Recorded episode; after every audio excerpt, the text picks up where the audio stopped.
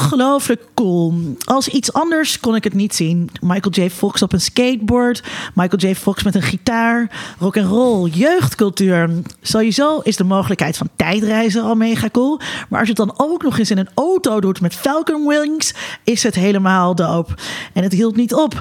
In de vervolgen waren er zelfs zelfstrikkende Nike's. Hallo, zin in de toekomst. In een opgewekte, vrolijke toekomst met pastelkleuren. Maar nu ik ouder ben, zie ik dingen toch anders. De jaren 50 waren helemaal niet zo ideaal voor een heleboel mensen. Als je de films bekijkt met de blik van nu, kan je het bekende rijtje racisme, seksisme, heteronormativiteit afvinken. En waarom drinkt Marty in hemelsnaam de hele tijd Pepsi? Pepsi, Getverderrie. Maar ook Getverderrie Linda. Waarom moet je nou altijd zo kritisch zijn? Waarom niet gewoon genieten van alle heerlijke actie en het spektakel? Kon ik maar terug, terug naar het verleden, naar de toekomst van het verleden. Kom, lieve luisteraar, stap in en ga met ons mee. Back to het verleden van Back to the Future. Mijn naam is Linda Duits en dit is Geeky Dingen.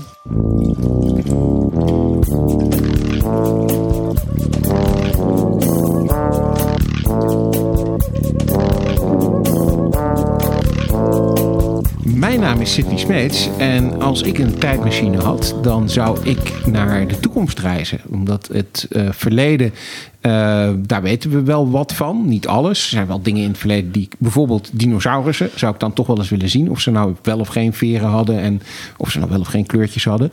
Maar ik denk dat ik naar de toekomst zou reizen, omdat ik denk dat ik daar het meeste van kan leren en het meest interessante tijd kan beleven. Maar, maar, maar welk jaar dan? Welk jaar? Uh, laten we zeggen uh, 21, 20. Gewoon 100 jaar in de toekomst. Oké, okay, oké. Okay. Wat, wat optimistisch dat je, dat, er, dat je denkt dat er een toekomst is over 100 jaar. Dat, dat doet me dan weer deugd op deze maandagavond. Mijn naam is uh, Dan Hessler Forrest. En ik, ben, uh, ik vind het heel leuk om weer te gast te zijn bij Geeky Dingen.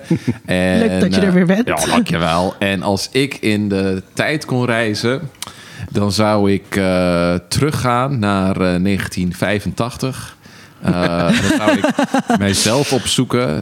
Vlak nadat ik Back to the Future na ontzettend lang ernaar uit te hebben gezien. En de folders er zelfs van uit de bioscoop te hebben gestolen in een grote stapel. in mijn kamer te hebben opgespaard en aan de muren te hebben geplakt. En als een doldwaze fan uit die bioscoop kwam. En dan zou ik daar buiten staan, nu 46 jaar oud, en zeggen de lach joh, want jij gaat een hele carrière opbouwen door alleen maar over dit soort films te praten, te schrijven, college te geven. En, uh, en uh, nou ja, ik zou denk ik als elfjarige denken... wie is die dikke man die mij dit komt vertellen? dat kan toch nooit? Hij, hij, zei dat hij familie was, maar hij ja, lijkt niet eens op me. Precies. Maar uh, dat zou ik... Nee, dat, zou ik, dat is mijn beste, mijn beste keuze. De toekomst durf ik niet in. Dat vind ik veel te eng. Uh, uh, mijn naam is dus uh, Linda Duits. En ik heb deze vraag bedacht. Ja. maar ik kom er dus niet uit. Ik kom er gewoon niet uit. En het lastige vind ik. kijk, uh, jullie zijn witte mannen. Yep. Jullie kunnen overal heen in het verleden. Dat, dat kan gewoon. Je kan gewoon overal heen. En waarschijnlijk stond je bovenaan de food chain. Yes. Uh, ik ben een vrouw. en dus voor mij is dat gewoon minder gunstig. Ik heb Op gewoon, naar de jaren 50, Linda. ik heb gewoon kans dat dat dus niet goed voor me uitpakt. En naar de toekomst vind ik dus eigenlijk te eng om, om redenen ook van wat uh, Dan uh, een beetje zegt. Weet je, ja, ik ben toch ook best wel bang dat de wereld vergaat. Of dat de mensheid uitsterft. En dat je dan dus, oké, okay, weet je, aankomt vliegen in, in, in 2083. En dat, dat, de, dat, de, dat de aarde dan dus gewoon een vuurzee is. Waar je tijdmachine ook niet tegen bestemd is. Nee, en dan ben je dus gewoon dood. Dus dat, dat zou ik te eng vinden. Daar heb je geen last meer van. Hm? Heb je ook geen last meer van? Nee, maar ik wil, ik wil nog, niet, nog niet dood. Dus ik ben wel heel nieuwsgierig naar hoe het zich allemaal gaat ontvouwen. Maar ja, dus ik zou er niet heen durven. Dus, dus ik kan dus niet te ver terug in de tijd, want dat is dus ongunstig voor me. En dan kom ik dus snel ergens uit bij, uh, nou ja, dus in ieder geval na de Tweede Feministische Golf. Nou ja, dan ben ik dus al geboren. Dat heb ik allemaal al meegemaakt. Ja, dat ja. is saai. Ja. Time travel sucks. Daar komen we gewoon uit. Ja, dat is misschien wel de, de paradox. Ja. Of, of, of, of inderdaad naar een tijd voordat er mensen waren. Uh, ja, want, want met die dinosaurussen, ja. dan, uh, dan, heb ik, dan is er niks aan de hand. Ja, tenzij de dinosaurussen ook patriarchaal waren, maar dat dat weet ik niet. Eh, nou, ik heb wel gehoord dat ze echt van, eh, van eh, meisjes met uh, tieten hielden om Ja. die op te kauwen. Ja, Ja, ze hadden allemaal snorren Doe op. dat maar, want dan weet in ieder geval of de T-Rex veren had of niet. Want dan ben ik nog steeds nou wel. Of het een soort grote kip was. Dat, dat, dat, ja, dat heeft toch ook. Is dan niks meer heilig? Mogen we niet eens meer stoere, reptielachtige dinosaurus hebben? Alle, het is nu een soort van overgroeide kalkoen. Onze vrouwelijke wetenschappers hebben dat beeld kapot gemaakt. Ja, ja, ja, ja, ja. Make dinosaurs great again. Ja, ehm, hier had ook moeten zitten Tom Aalmoes. Die zou er eigenlijk gewoon bij zijn. Maar hij stuurde ons vandaag een berichtje dat hij een beetje een kuchje had en wat kortademig was en ook verhoging had. Klinkt als Corona. corona. Ook en hier houden wij ons aan de RIVM-richtlijnen. Ja. We zitten ook precies op nou, hoeveel centimeter? Nou ja, toch 150. 150. Nou, toch wel flinke afstanden van elkaar. Eh, eh, de Stom is er helaas niet bij, wat ontzettend jammer is natuurlijk. Maar ehm, hij heeft wel eh, zijn terugblik voor ons ingesproken. Dus ik ga toch straks even naar hem luisteren. En ook nog wat observaties over dus Back to the Future. Want daar gaan we het eh, zo meteen over hebben. Ehm, u hoorde hem dus al. Dan Hester Forrest is er weer. Ehm, wat moeten we nog zeggen over je, Dan? Je bent mijn collega bij Mediawetenschap aan de Universiteit Utrecht. Je vindt alles fascistisch. Dus Ja. het is nu spannend. Wow, wow, wow. Zou Dan Back to the Future ook fascistisch vinden? Of is het toch gewoon... Gewoon leuk. Gewoon, ge- on- on- gewoon lekker. En Ongecompliceerde gezellig. fun. Ja, onschuldig was Ja, het onschuldig. woord. Onschuldig onschuldig vermaak. Ja, of gaat hij ook voor de luisteraar Back to the Future, de herinnering aan Back to the Future, helemaal kapot maken? Spannend. Ehm, moet ik nog iets anders over je zeggen? Nou, wij, nou, wat ik wel het vermelden waard vind, of dat vind ik, vind ik gewoon leuk om te zeggen, is dat eh, Linda en ik afgelopen onderwijsblok voor de, ja, niet af, ja, nou ja, kort geleden, voor het eerst ook samen een vak hebben gegeven. en dat was zo leuk. Dat wil ik gewoon nog even in de openbaarheid zeggen.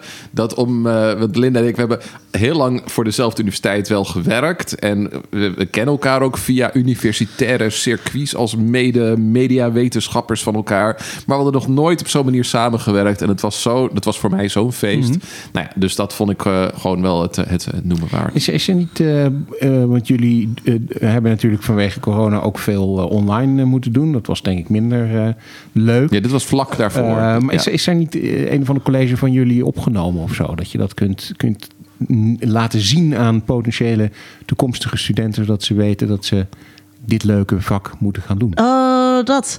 En, en, en, nou ja, Dan heeft daar een college opgenomen. ehm, maar we hebben niet een soort eh, promo-video eh, samen. Ehm, maar ja, dat zou ook een beetje een leugen zijn. Want ik werk nu niet meer. Ik geef nu geen onderwijs meer aan de U. Alles. Als je, Oké. als je dus er dat is misleidend. voor altijd. Dus, Voorbij. dus als Ja. jullie, als de luisteraars een tijdmachine hadden en ze wilden dit doen, dan weet je, ga naar afgelopen februari en dan kon je, was het toen? Ja. En dan kon je bij ons mediamaatschappij volgen. En wat je natuurlijk kunt doen als je luisteraar bent en je denkt, nou, maar het lijkt mij zo leuk als Linda en Dan samen een lezing komen geven over populaire cultuur. dan kan kun, kunnen jullie ons gewoon inhuren. een zak met geld en dan komen Ja, we. Dan daar hoef je helemaal geen collegegeld voor te betalen. Dat mag gewoon direct naar ons. Nog eh, wel dan één tip voor de luisteraar. Alvast, eh, eh, nou ja, Linda kun je natuurlijk sowieso iedere week eh, horen. Ofwel in Geeky Dingen, ofwel onder Mediadoktoren. but Of in een van de vele andere eh, media-uitingen.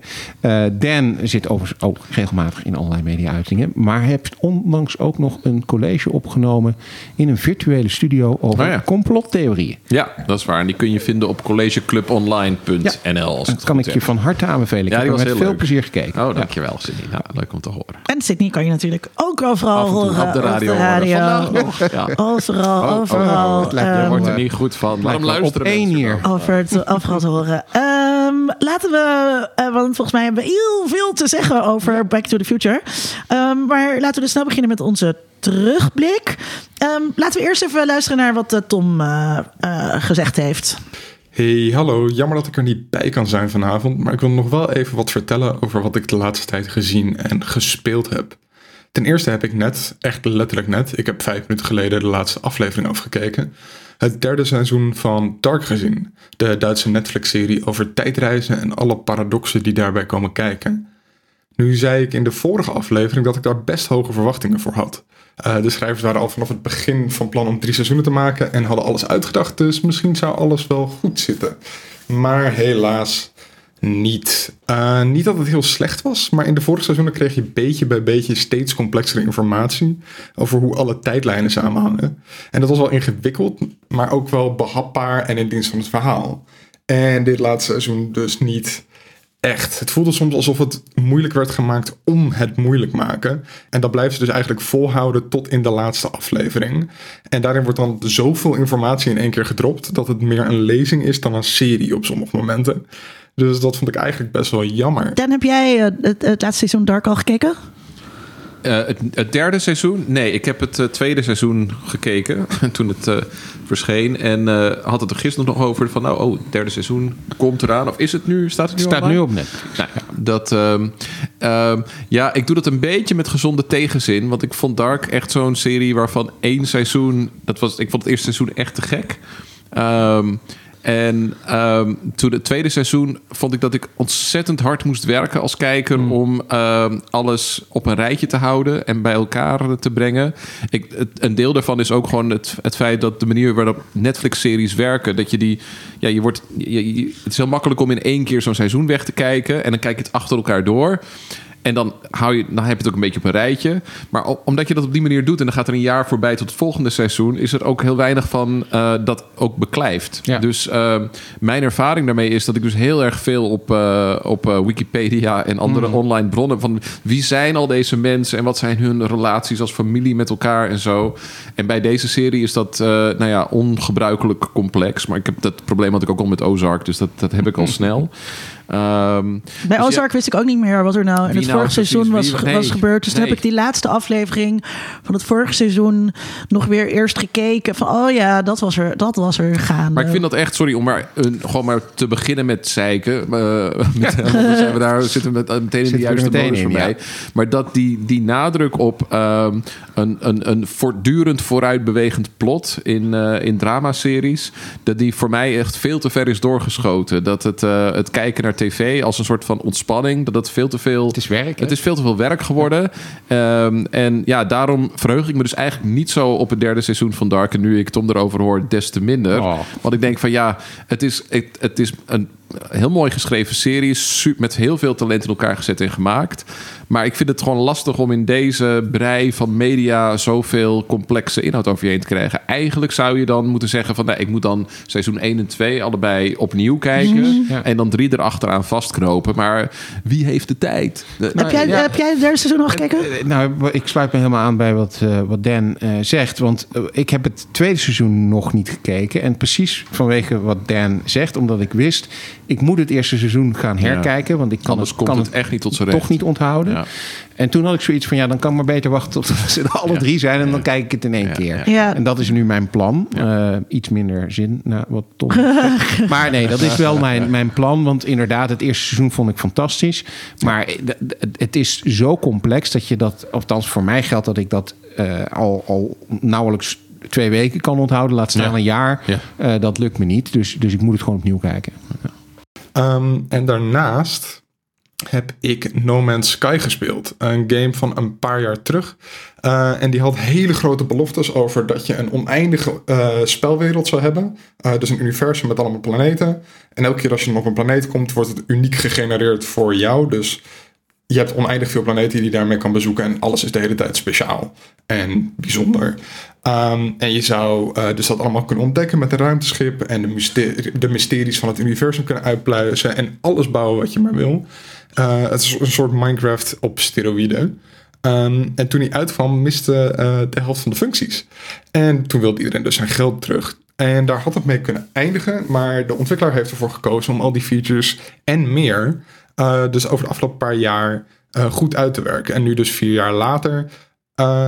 Is het inderdaad een beetje wat er eh, beloofd werd in het begin. Eh, ik heb er nog maar tien uur in zitten. En ik vermaak me eigenlijk heel erg goed daarmee. Ik heb een basis op planeet die ik een beetje eh, aan het uitbouwen ben. Ik ben door zwarte gaten heen gegaan. oog in ogen staan met bijna Lovecraftian entiteiten. En ben als een soort detective op zoek naar een persoon die vermist is tussen dimensies in. Ehm, dat is eigenlijk allemaal heel erg leuk. Er zitten hier en daar nog wel wat foutjes in. En het universum, het, universum lijkt soms wat leeg. Eh, maar ik kan het echt heel erg aanraden. Oh, en als ik terug zou mogen in de tijd, zou ik naar het Parijs van 1968 teruggaan, zodat ik de studentenprotesten zou kunnen meemaken van die tijd. En met mijn favoriete Franse filosofen zou kunnen chillen. Veel plezier met praten over Back to the Future zo. Doei! Lekker chillen met Foucault. Ja, De precies. leus. I Ja. got nothing to lose. I'm going to 68. Ja. Nou, de Tom heeft wel gewonnen, vind ik.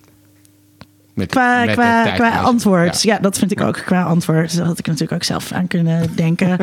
Eh Sydney, wat heb jij eh, gekeken Wat heb ik meegemaakt? gekeken? Eens even kijken. Ehm, ik heb gekeken onder andere naar eh, de film eh, 7500, 7500. Eh, die staat op Amazon Prime Video en eh, heeft in hoofdrol Joseph Gordon-Levitt. En Joseph Gordon-Levitt, die kent eh, de luisteraar, denk ik, van een heleboel eh, films. Het begon met eh, Third Rock from the Sun. En later is hij in die eh, Christopher Nolan films gaan spelen. eh, 500 Days of Summer, eh, noem ze maar op. Looper. Blue- Looper inderdaad, een, een goede science fiction film. Ehm, en dit is een ehm, Duitse co-productie. Ehm, ik weet niet of daar heel veel geld in zat. Het ziet er gewoon fatsoenlijk goed uit. Maar het speelt zich allemaal in een vliegtuig af. Dus er is maar één set. En dan ook nog met name de cockpit. Ehm, en het idee klinkt heel cliché. Eh, eh, Joseph Gordon-Levitt is eh, co-piloot van een Duits vliegtuig met een Duitse piloot. En zijn vriendin is een van de stewardessen aan boord. Ze gaan vliegen en uiteraard zijn er kapers aan boord die proberen om de cockpit binnen te komen. En ehm, dat is eigenlijk het verhaal. En dat gaat er dan natuurlijk om hoe gaat Joseph Gordon-Levitt ervoor zorgen dat eh, het vliegtuig niet eh, neerstort, dat de, eh, alle passagiers niet om het leven komen, et cetera. En ondanks dat dat, toen ik het ging kijken, had ik het eerste wat, mij, wat ik dacht is. Oké, nu heb je dus een film met allemaal voornamelijk Duitse acteurs. Uiteraard zijn de eh, terroristen ook nog eens een keer eh, ehm, ja, moslims. Hè? Dus het is alle stereotypen die je maar kunt, kunt hebben. En dan de Amerikaan die het allemaal eh, gaat oplossen en gaat redden. Maar wonderbaarlijk genoeg is dat helemaal niet de vibe die je krijgt als je de film kijkt. Eigenlijk doet Joseph Gordon-Levitt vind ik het eigenlijk altijd wel goed in films. En dat doet hij gewoon in deze film ook. Hij is sympathiek. Eh, hij weet ook een bepaalde band met een van die kapers eh, te krijgen. Waardoor het verhaal, nou ja, laten we zeggen, niet al te slecht afloopt. Maar er gebeuren wel van allerlei dingen. En ik vond het eigenlijk heel verfrissend dat het zomaar op Prime Video stond. Ik had er niet veel over gehoord. Eh, het was een film die ook gewoon in de bioscoop had kunnen draaien. Eh, dus eh, een aanrader als je, als je Prime Video hebt, tenminste. En anders eh, Pirateproxy.net. wisten we dat die zou komen. En verder heb ik gekeken, en dan moet ik kiezen. ehm, eh, laat ik dan toch maar ehm, Disclosure doen. Ehm, naar een de, de, de documentaire Disclosure op Netflix. De idee achter die documentaire is dat er eigenlijk gekeken wordt naar representatie van trans mensen in media. Eh, hè, we hebben op Apple eh, Plus onlangs die documentaire gezien over representatie van LGBT-mensen of LHBT-mensen in media, heel breed. En dit is heel specifiek over trans mensen in media. En dat is interessant omdat het een geschiedenis is eh, die nog helemaal niet zo belicht is. In ieder geval zeker niet in documentaires. Ehm, en waar toch hele interessante dingen uitkomen die ik voor een deel niet wist. Voor een deel ook wel. Want het, zijn, het is nou ook weer niet zo dat we helemaal niks weten van transmensen in, in media. Eh, maar het is heel interessant om te zien. En vooral ook omdat alle deelnemers aan het eh, programma zijn trans mensen. Dus die praten vanuit hun eigen ervaring, vanuit hun eigen eh, ehm, ja, levenservaring. Het zijn acteurs, het zijn mensen die op de een of andere manier een relatie hebben met media. Ehm eh, Wachowski zit er onder andere in. En een van de actrices uit Sense8 eh, komt erin voor. Ehm, en ik vond het heel interessant om te zien. Zeker tijdens Pride Month. Daar zal zeker eh, door Netflix heel bewust voor gekozen zijn Zeker. om dat tijdens Zeker. Pride Month uit te brengen. Maar het was interessant eh, om te zien. Laverne Cox natuurlijk een belangrijke rol eh, die daarin in speelde. Eh, en die kun je kijken op, op Netflix. Hoe heet hij ook weer? Disclosure. Ja. Ik las heel toevallig vandaag nog een stuk over ehm, eh, trans mensen in porno. Wat ik ook heel eh, interessant eh, vond. En dan dus niet zozeer ehm, het, het verkeerde genre, eh, eh, zeg maar. Ehm, maar, maar meer binnen queer porno. En dus op een, op een, op een positieve manier die verbeelding. Mooi stuk van ehm, Eliza Steinbeck Ja. pak eh, eh, in een boek. Maar eh, daar heeft de luisteraar helemaal niks aan dat ik dit zeg. Als je dat, als je dat ook wil lezen, dan kan je me mailen. En dan kan ik je een pdfje sturen van dat hoofdstuk.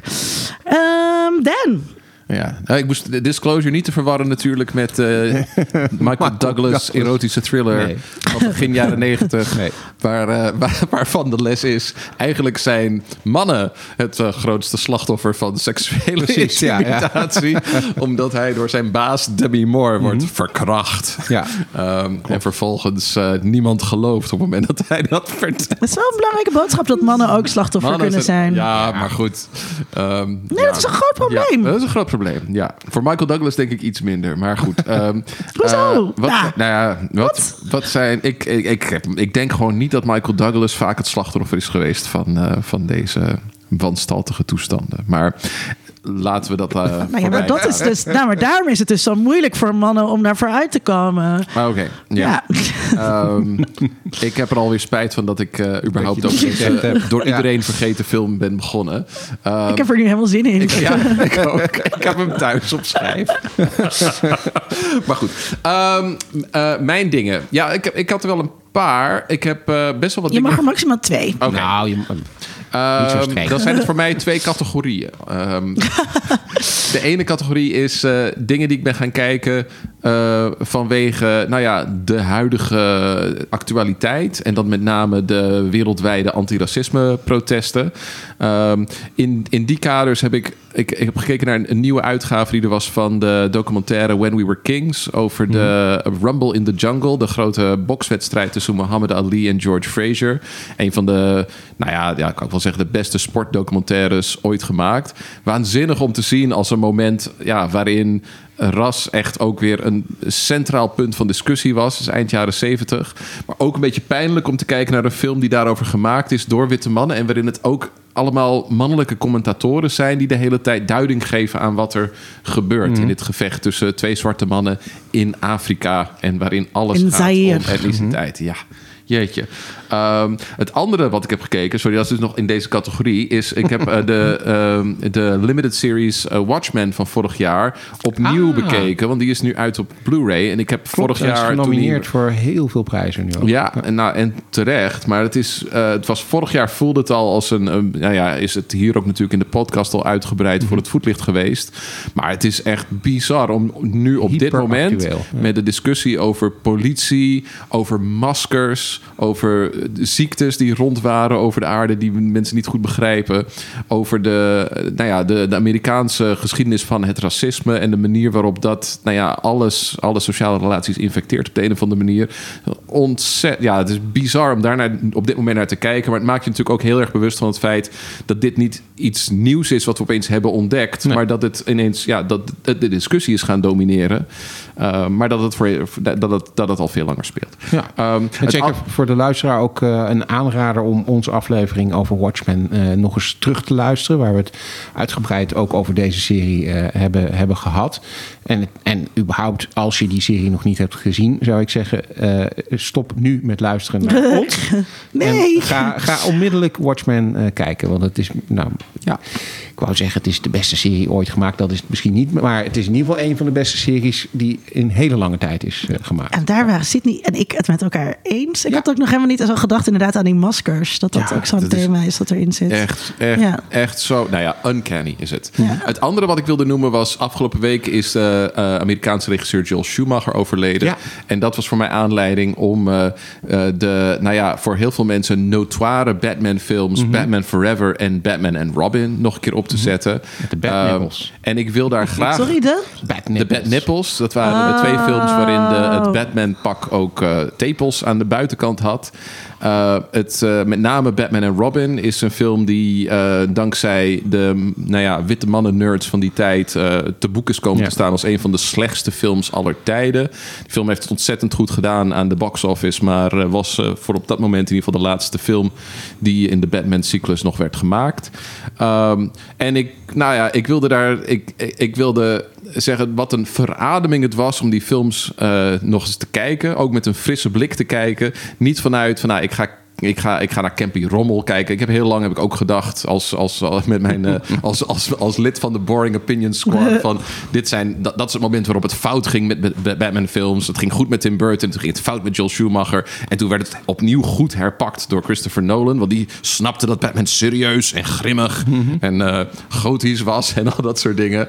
En uh, nou ja, na al die Dark Knight ellende en al die saaie heteronormativiteit die ervan uitdruipt, vond ik het heerlijk om het kleurenspektakel van die films te zien. Om films te zien waarin stripfiguren die zich aan uitdossen als uh, nou ja, gekke, nou ja, vliegende, vliegende beesten en andere wonderlijke schepsels. Om dat te zien als iets wat helemaal niet serieus te nemen is of hoeft ja. te zijn.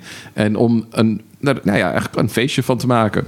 En uh, dat zijn beide films. En ik denk dus mm -hmm. niet alleen Batman Forever, die voor mij altijd vond ik dat de minste Batman film, mm -hmm. maar ik ben, kom er toch weer een beetje op terug.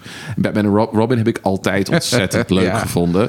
Uh, niet alleen als Arnold Schwarzenegger fan, maar Poison Ivy, gespeeld door Uma Thurman daarin, is helemaal te gek. Uh, ja, nou ja, ik, ik, ik heb er echt van ja. genoten. Dus ik zou zeggen, voor iedereen die denkt, ja, maar dat zijn toch objectief slechte films, mm -hmm. ga er, hè, trek een fles wijn open, ga lekker zitten en geniet, geniet van iets wat niet uh, bedoeld is om, om serieus nee. te nemen. Klopt. Was dat niet ook wat wij vonden ja. tijdens de ja, aflevering over Batman? Ja, we hebben een aflevering gemaakt die heet Batman en zijn vriendjes. Ja. En daar hebben we inderdaad al een kleine herwaardering van uh, Joel Schumacher uh, uitgesproken. Met name omdat die films, uh, volgens mij hadden wij het er op Twitter zelfs over, dat die films, he, en met name die, die tweede, Batman en Robin, uh, eigenlijk ook een soort hommage zijn aan de Batman uit de jaren 60. Het is namelijk allemaal uh, dezelfde soort humor bijna die daarin zit. Het, het, het, het weten dat het belachelijk is wat je doet en daar op een hele leuke manier mee omgaan. Ja. En uh, weten dat het over de top is. En heel dan, stripperig. Heel stripperig. Ja, en het is, en, het is wat dat betreft misschien ook wel leuk om één uh, boek, uh, boekentip daarbij Mhm. te geven. Nou, vooruit. mag dat? het, het boek Fake Geek Girls van Mhm. mm -hmm. Suzanne Scott is vorig jaar verschenen. En is een boek geschreven door een geek girl. Iemand die is opgegroeid, net als Linda, met een gigantische liefde voor alles wat, wat nou ja, geeky Mhm. mm -hmm. dingen zijn. Maar die altijd tegen die poortwachtersfunctie van fellow fans en fellow nerds, hè, mannen, witte mannen, die altijd vonden dat zij degene waren die uiteindelijk bepaalden wat nou echt geeky was, Mhm. wat echt goed en niet goed was. En ik noem dat omdat voor Batman en Robin is, uh, is eigenlijk de eerste grote Hollywood-film geweest waarbij internet nerds. Uh, ja, Harry voor, uh, met name Harry Knowles en zijn volgelingen vooraf gingen bepalen: deze film vinden wij niet leuk, vinden wij niet oké. Okay, en is daarom, komt daarom in een soort verdomhoekje terecht. En iedereen die niet bij die nou ja, heet, witte hetero mannengroep hoorde, ja, die had daar vaak een hele andere mening over. Maar die hadden eigenlijk geen stem op dat internet, op de manier waarop zij dat wel al snel hadden ontwikkeld. Dus het is de eerste film die uh, ja, een soort van nou ja, toxic geek masculinity, mm -hmm. waar we het straks met Back to the Future ongetwijfeld nog over gaan hebben. Uh, waar we de macht daarvan echt begonnen te voelen. Want die macht die dragen zij nog steeds uit via Marvel films en alles wat er nog meer wat specifiek hen op hun wenken bedient. Ja, oh god, witte mannen en hun boring opinions. Ja, dat is echt.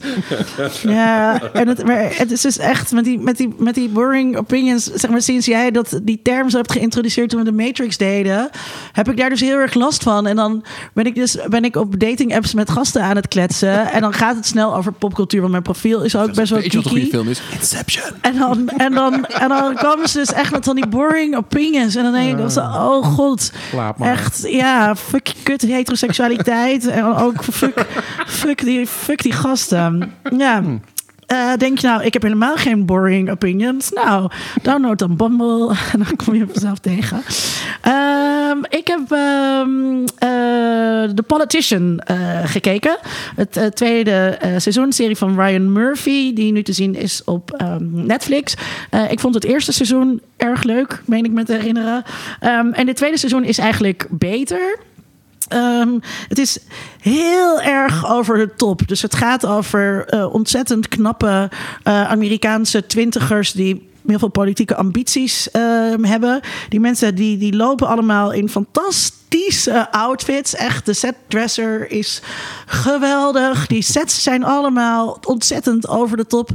Um, Gwyneth Paltrow speelt erin en die speelt een soort uh, superrijke, verveelde uh, huismoeder die dan ook uh, mee gaat doen aan de verkiezingen. En dat lukt haar dan allemaal heel goed. Ze speelt eigenlijk gewoon zichzelf, zeg maar. Um, ja, het is dus echt een over de top nep serie, maar toch ook oprecht. En het is dus vooral een feest om naar te kijken. Het plot is heel dun, een beetje Ook niet echt heel bijzonder. Er zit wel een aardige clash in tussen um, boomers en uh, generatie uh, Z, om het even zo te noemen. Uh, en dat komt vooral tot uiting in de rollen van um, Bette Midler en Judith Light. Die kennen jullie als Angela uit Who's the Boss. Ja. Uh, en uh, die hebben er zoveel plezier in. Mm -hmm. Dat zij dus, uh, dus Judith Light speelt een politica. En Bette Midler is haar publiciteitsvrouw. En ze hebben er alle twee zoveel zin in. En het is natuurlijk ook in andere series van, van Ryan Murphy. Waarin die, waarin die vrouwen op leeftijd echt laat schitteren. Dat Hollywood. zit natuurlijk ook in um, American Horror Story bijvoorbeeld. Mm -hmm. um, dus ja, dit is, dit is gewoon heerlijk om aan te hebben staan. Um, en daarnaast um, uh, zit ik ook meer met een genre wat ik had gekeken. Uh, ik was volgende we vorige week toevallig drie keer geïnterviewd over reality TV. Um, en uh, zoals de luisteraar weet, hou ik heel erg van reality TV. En we bespreken eigenlijk hier niet zoveel um, reality. nou, dat hoeft niet per se hoor, want ik, want ik, want ik, ik praat er alles al over gezegd. Ik praat er wel, ik praat er wel genoeg over. Maar ik was dus, toen was ik ook weer lekker reality gaan kijken. Dus um, ik uh, heb me helemaal in de Bachelorette gestuurd. Uh, ges, ge, hoe zeg je het? Gestort. Gestort. Een Nederlandse, een Nederlands seizoen. Uh, eigenlijk al best wel een oud format. Waarvan je dacht, daar, daar waren we toch wel een beetje klaar mee. Maar helemaal niet. Is te zien op een Videoland hoe Gabi, die blijkbaar um, een bekende Nederlandse actrice is. Die totaal volgespoten hoofd heeft. met, met botox bedoel ik dan. Ja. Uh, hoe die dan uh, nou, zeg het hof laat maken door allemaal uit de klei getrokken blonde jongens. Heerlijk om naar te kijken. Um, en gisteren heb ik me vol overgave. Heb ik een hele dag lang Keeping Up with the Kardashians gekeken. Oh, dat toch wel echt ja, de premium onder de reality-series um, uh, is. Ik keek het vroeger, heel, heel vroeger, toen het net uit was op I. Uh, en daarna heb ik het eigenlijk heel lang niet meer gekeken. En ja, het is zo briljant, want ik was in die interviews ook aan het uitleggen. Reality zijn uh, echte mensen met echte emoties die in nep-situaties geplaatst worden door, door televisiemakers. Door op een eiland te zetten of um, um, door 12 of 18 mannen naar iemands hand te, te laten dingen. Um, maar de Kardashians zijn gewoon... Die mensen bestaan niet echt. Nee. Weet je, ze zijn totaal nep en ze beleven ook geen enkele emotie eigenlijk. Dus, dus ze praten dan recht in de camera en dan vertellen ze hoe ze zich voelden bij nee. iets. Maar hun gezicht is altijd hetzelfde. maar daar dus, kunnen ze ook niet meer bewegen van de boot. Dus, uh, ja, er zit ook een heel grappige scène in waarin ze gezichtsgymnastiek gaan doen. En dan moet Kim haar lippen zo bewegen. En dat kan Kim gewoon niet. Maar ze, ze, ze, vertelt dus met hetzelfde uitgestreken gezicht, zeg maar. That made me really angry. I was so happy here. En dat, en, maar het is allemaal, ja, je ziet niks aan haar. En het is zo goed gedaan. Ik vind die familie zo fucking uh, briljant. En, en er gebeurt dus ook gewoon, ja, Niks. Niks. En toch uh, blijf je kijken. En, en, um... er is er toch niet zo heel veel veranderd sinds de Osborne, als ik dat zo... Uh... Ja, ja of, of, of, of, sinds, of sinds Big Brother natuurlijk. Ik ken, dit, ik ken die hele Kardashians. Uh, ja. Real World, MTV's Real World. Dat is ja. nog, uh, ja. verder wil gaan. Ja. Eigenlijk Wat alleen, vond je van die, net, die Netflix-serie met al die, al die geile singles die het niet met elkaar mogen doen? Love is Blind? Love, Nee. nee, nee, dat is dat ze met, elkaar, met, met het met elkaar schotje, ja. trouwen. Ja. Uh, dit is dat ze, uh, dit zijn allemaal, uh, dit was laatst een grote hit. Hoe heet het nou ook? Hè, ik vergeet elke keer de naam. het is op Netflix en het, is, het zijn allemaal mooie jonge singles die heel veel daten. En die worden dus op een eiland gezet met elkaar. En na een dag horen ze van ja, je mag dus alles doen, maar niks met elkaar. Je mag geen, geen seks, niet zoenen, niet, helemaal niks. En, dan, en ze kunnen dus geld verdienen. Heb je niet gezien? Nee, heb ik niet gezien. Oh, oh nou, nou, dan moeten we volgende keer hebben wat je ervan over hebben wat je ervan vond. Want het grappige was, uh, ik, uh, het, het, is niet, het is gewoon een heel voor de hand liggend format, maar er zitten twee dingen in die ik bijzonder vond en waar ik benieuwd ben hoe jij er ook over denkt. Eén is dat ze dus een eh, nep robot hebben die eh, de gastheer is. Dus ze hebben een soort, een soort Alexa-achtig ding wat er staat. En die is de hele tijd hen de regels aan het geven. Maar het is gewoon een actrice die door dat ding heen praat, na- natuurlijk. Maar het is heel gek hoe ze daar een soort van invulling van onze verbeelding van AI of zo als autoriteit inzetten. En het andere is dat bij Netflix, anders dan bij ehm, alle andere televisiestations die eh, reality tv maken, gaat het er niet om om zoveel mogelijk tijd te vullen met zo weinig mogelijk inhoud. Dus heel veel herhalen de hele tijd en opbouwen en opkloppen. Maar ligt het tempo eigenlijk veel hoger. Want ja, mensen willen gewoon dat er doorheen. En dan, willen, ja, dan ga je, er zitten geen reclameblokken in Nee. om je heen je straks, als je terugkomt, dan zie je dit of dat of dat. Dus het, het, het is heel, ik vond het heel apart om naar een reality show te kijken, waarin je niet Met tempo. al- waarin het tempo, waarin het gewoon, het zijn maar negen afleveringen of zo, en dan heb je dus gewoon een hele baan van een seizoen gehad. Dus het is ook heel geconcentreerd in de manier waarop er dus dingen, of relatief, want er gebeurt natuurlijk nog steeds geen ruk. Maar ehm, nou ja, daar moeten we volgende keer maar over. Maar ik ben ook wel benieuwd, omdat het dus... eh, want dat wilden die mensen met wie ik hier vorige week over sprak... wilden dat ook allemaal weten van... ehm, eh, eh, ga- gaan ze geen grenzen over en wordt het steeds erger en zo. Terwijl dat dus heel erg in eh, golf, golfbewegingen gaat. Dus eh, dit is al de tweede run van Temptation Island. Het is een tijdje van de bu- buis geweest. Want toen waren we er wel gewoon wel klaar mee. Toen hadden we het allemaal wel gezien. En toen gingen, vonden we andere, andere soorten formats weer interessanter. En wat jij dus zegt van jullie mogen alles doen behalve seks met elkaar hebben. Wat in Love is Blind ook al een beetje zit. Weet je wel van eh, dat mensen met elkaar moeten matchen. Echt op basis van het karakter. Wat ze. Ja, dat zijn natuurlijk ook dat zijn allemaal reacties op elkaar. Too hot to handle. Oh, too hot to handle. ja. Oké, nou dat ga ik dan deze week eh, lekker kijken. kijken. Ja. Ehm, en ja, oh ja, dat wil ik zeggen. Dus, wat ik. ehm, wat. wat Sommige reality, we hebben nu je hebt reality wat met een hele kleine beurs gemaakt wordt. Maar je hebt ook reality waarvan de makers gewoon zo ervaren zijn inmiddels in het maken hiervan. Dat het gewoon fuck, fuck, fuck goed gemaakt is. Door, door, ehm, door vakmensen. Ehm, en dus er wordt op het genre neergekeken. Maar ik hou van tv. En dit is wel ook echt ehm, waarom ik van tv hou. Wat, wat wil jij nog zeggen over die Kardashians? Dat ik, het, dat ik ze eigenlijk alleen maar ken van, eh, van hun vader, die een van de advocaten van O.J. Simpson eh, was. En eh, van die meme Gespeeld van. door eh, David Schwimmer in de tv-serie Ja. van ja, Ryan ja. Murphy. Een hele, hele leuke serie trouwens. Ehm, en van, eh, van die meme van eh, There are people dying, Kim. Zo- Ken je die Ik niet? ken die meme niet, nee. Ja, maar, dat is het enige waar ik ze van ken. maar zet je niet op Instagram?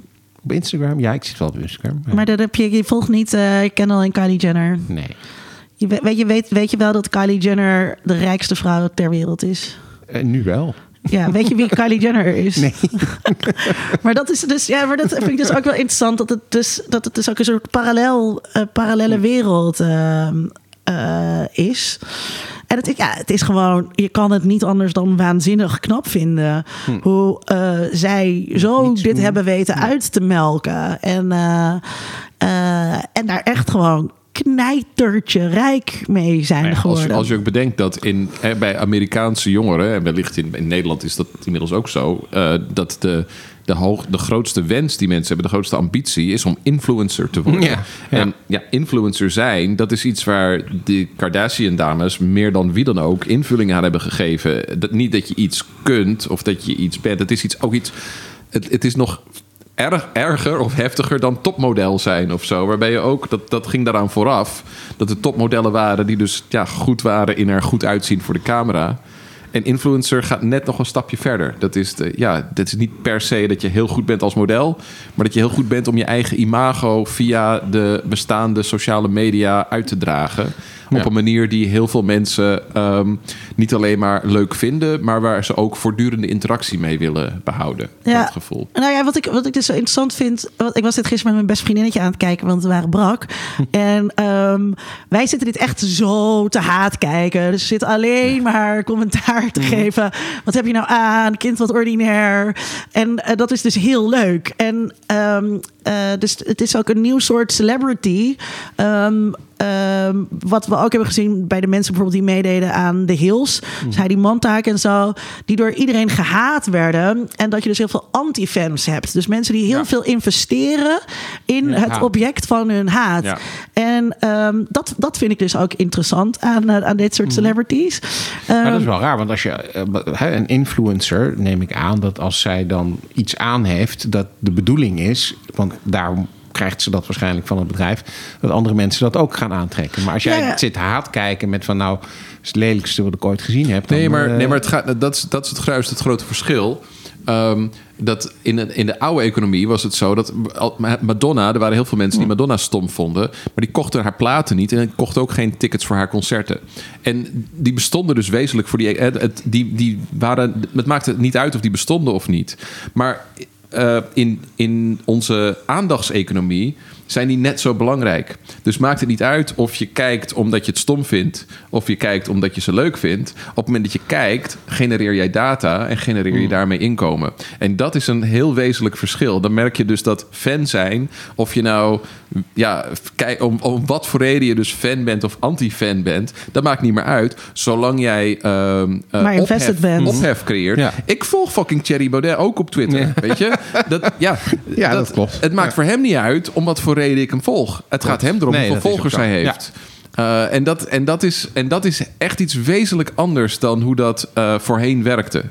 Toen maakte het niet uit als je dat, als je dat op de radio luisterde naar Madonna en zei: Ik vind het niet leuk. Ja. Maar want het ging er uiteindelijk om. Het verdienmodel was: er moesten platen verkocht worden en kaartjes voor concerten. Hm. En dat deed alleen de echte fans. Ja, en er, en er is dus er is een groep die eh, het helemaal niet eh, ordinair vindt eh, wat Chloe nou weer aan heeft. ja. En ehm, eh, eh, die, die, dat, die dat wel eh, interessant vindt. Maar ook daar eh, geldt, ja, daar, zit wel, daar zitten wel verschillen in eh, eh, tussen mensen. Dus je hoeft ook niet. daar heel zorgen om te maken. Oh ja, en wat ik nog wel zeggen.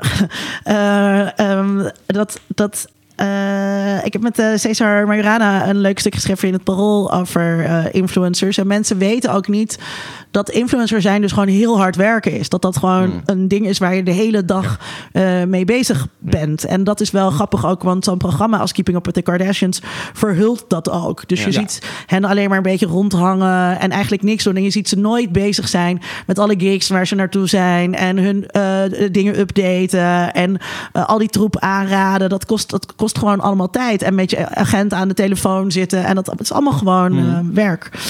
Ja, eh, dus dat wou ik nog even noemen in deze Kiki Ding Al die luisteraars die denken: Ik ging voor Back to the Future. Ik zit nou een uur naar de Kardashians te luisteren. Wat is dit? Ja, dat is. Dat is eh, Ik vind het alleen maar leuk hoor, dus we moeten vooral niet stoppen. ons format. Nou, als we dan niet gaan stoppen, dan noem ik er nog één. Eh, die had ik net even overgeslagen namelijk. Maar ik dacht dat het toch wel goed is om hem even te noemen. Ehm, dat is The Midnight Gospel op Netflix. Dat is die, eh, dat is... Psychedelic animatie. eh, ja, serie. dat is bijzonder interessant, omdat het, eh, het is van dezelfde maker als Adventure Time. Adventure Time heeft, heeft een bepaalde vibe, nou dat zit hier duidelijk ook in. En wat ze gedaan hebben is, ze hebben een eh, podcast genomen van een komiek. En die podcast hebben ze eh, geanimeerd. Maar op een manier dat de animatie eigenlijk helemaal geen verband houdt met het gesprek. En dat geeft een zekere dissonantie die heel grappig is. En tegelijkertijd zijn die gesprekken vaak heel diepgaand. Ook grappig, want het is een komiek. Ehm, heel vaak een beetje esoterisch. Een beetje over, over, over mediteren en over dat Ja. soort dingen gaat Ja. het. Ehm, en daardoor werken die beelden die er dus eigenlijk niks mee te maken hebben, juist ook wel weer heel goed. Ja. Ehm, en het is dus, denk ik, de eerste podcast die ge, nou, niet maar zeggen verstript, maar die in een cartoon verwerkt eh, is. Volgens mij is dat niet eerder gedaan. mm, dat Ja. weet ik eigenlijk ook niet. Weet ik niet. Op Netflix kun je kijken.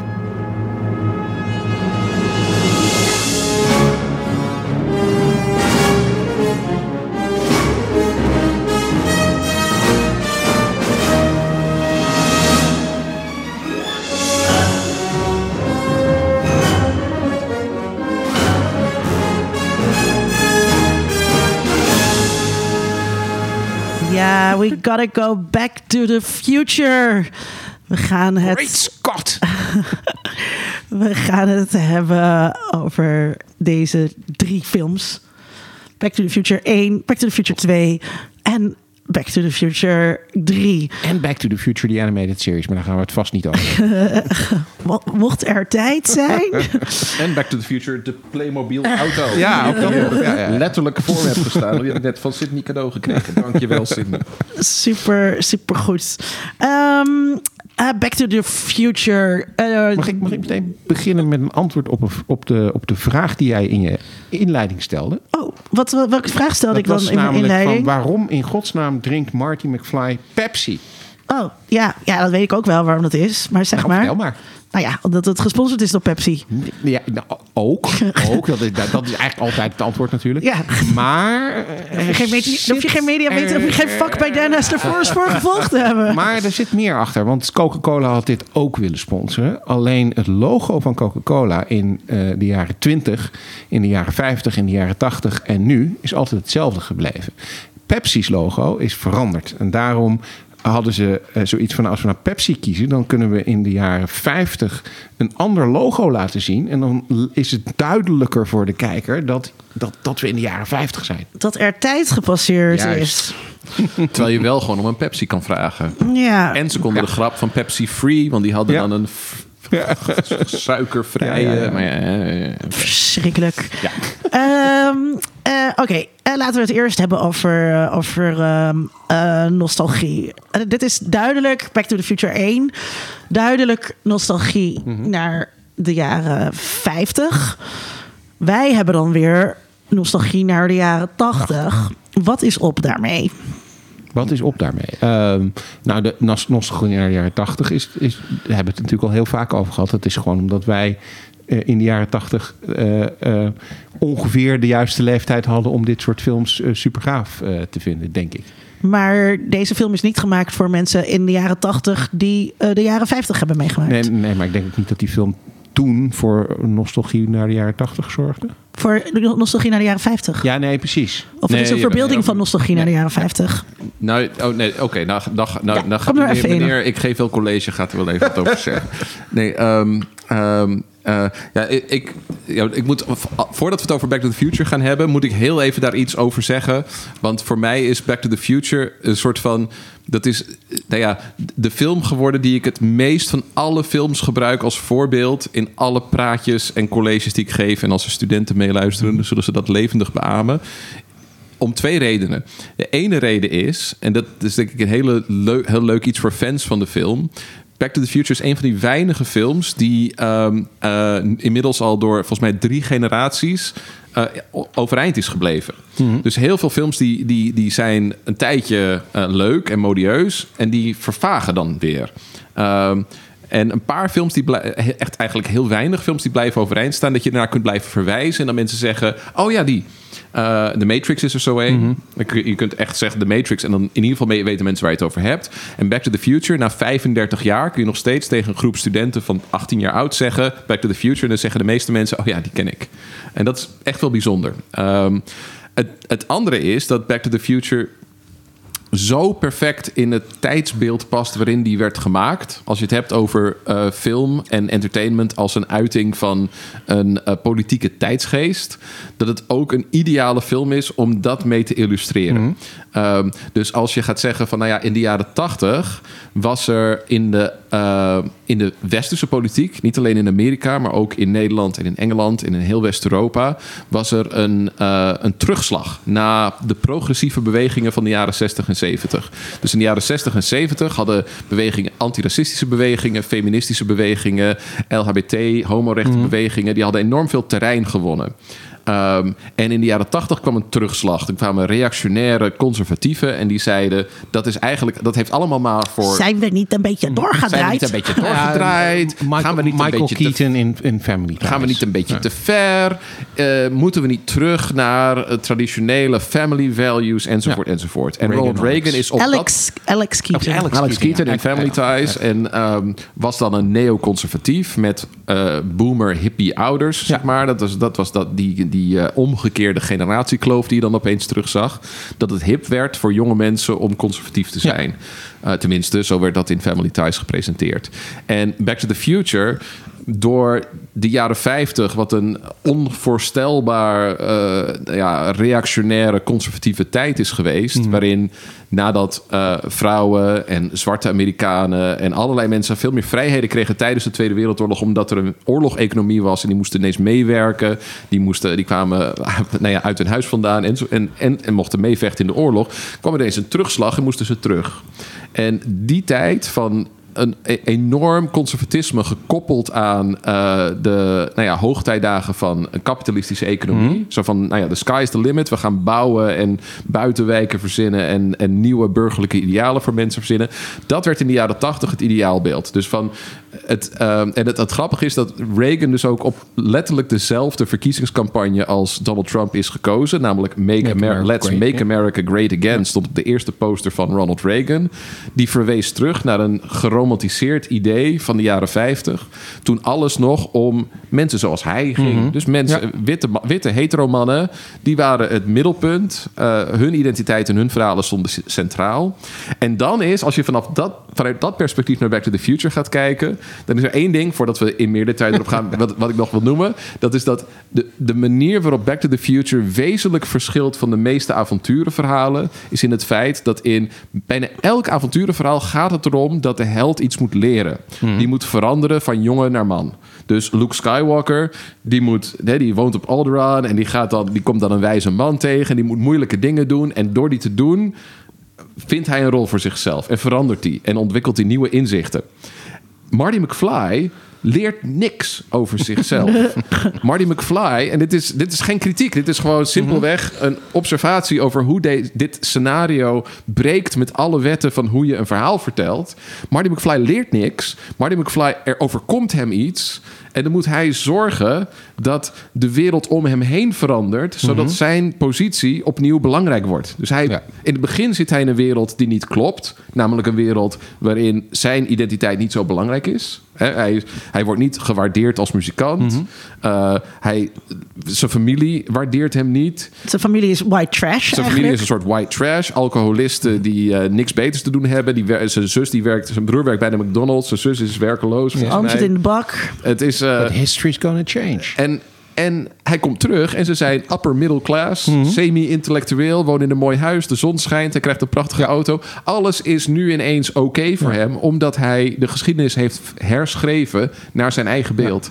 En dat, dat is denk ik een manier waarop Back to the Future als politieke film Mhm. zo interessant is, omdat hij het verhaal van nee, de geschiedenis moet weer om ons gaan, ook het verhaal van Reagan was, namelijk wij witte mannen, ons wereldbeeld moet terug zoals het was. De regisseur van de, de film, Bob, Bob Zemeckis. hè, eh, Er zijn twee Bobs. Eh, Bob Zemeckis is de regisseur en eh, Bob Gale, dat is eigenlijk degene die het script samen met Zemeckis heeft geschreven, de Ja. producer. Ehm, die zegt op een van de commentary tracks van, van de, van de Blu-rays, zegt hij ook van ja, dat einde, als ik daar nu naar terugkijk, dat hadden we, hadden we nooit zo meer gedaan. Dat was nu niet meer mogelijk geweest om zo'n einde te maken. En hij heeft ook eigenlijk wel een beetje nou, je merkt in de manier waarop hij erover praat dat hij het niet meer zo heel geweldig vindt. Omdat het inderdaad het beeld heel erg neerzet van eh, eh, ja, kapitalisme is, is, is tof en goed. En eh, hè, het feit dat het nu opeens een hele rijke familie is waar het allemaal goed mee gaat, dat is dan het hoogste ideaal. Ja, Crispin dat- Glover, de, Ja. de acteur die de vader eh, speelt, heeft ook, eh, die vond het ook verschrikkelijk. Ja. En het is ook heel raar, want ehm, eh, Michael J. ehm, fixt iets in het verleden om zijn eigen bestaan te kunnen, te kunnen ehm, garanderen. Maar hij fixt natuurlijk ook, daar gaan we het straks nog over hebben, hij fixt de mannelijkheid van eh, zijn vader. Ja. Ehm, en, en die fix betekent niet alleen geluk in de toekomst, maar ook meer geld. Ja. En dat, hij, dat, dat zijn vader dus zijn mannelijkheid heeft hervonden of gevonden door geweld te plegen. De- Dat vind ik trouwens ook heel kwalijk. Ehm, eh, betekent dus ook dat ze daardoor veel rijker eh, eh, zijn geworden. Ehm, en ja, dus dat, dat, dat, dat, en die Crispin Glover, die, die vond dat materialisme dus, dus heel erg Ja, kut. klopt. Ja, maar even, Ja, maar het, is, het, het, het, het heeft zo te maken met ehm, erkenning. Hè? Dus erkenning van macht. Dat idee van wat er, wat er fout is gegaan in de jaren 60 en 70... is daar hebben andere groepen dan witte heteromannen... hebben vooruitgang geboekt. En daardoor zijn wij onze centrale positie een beetje kwijtgeraakt.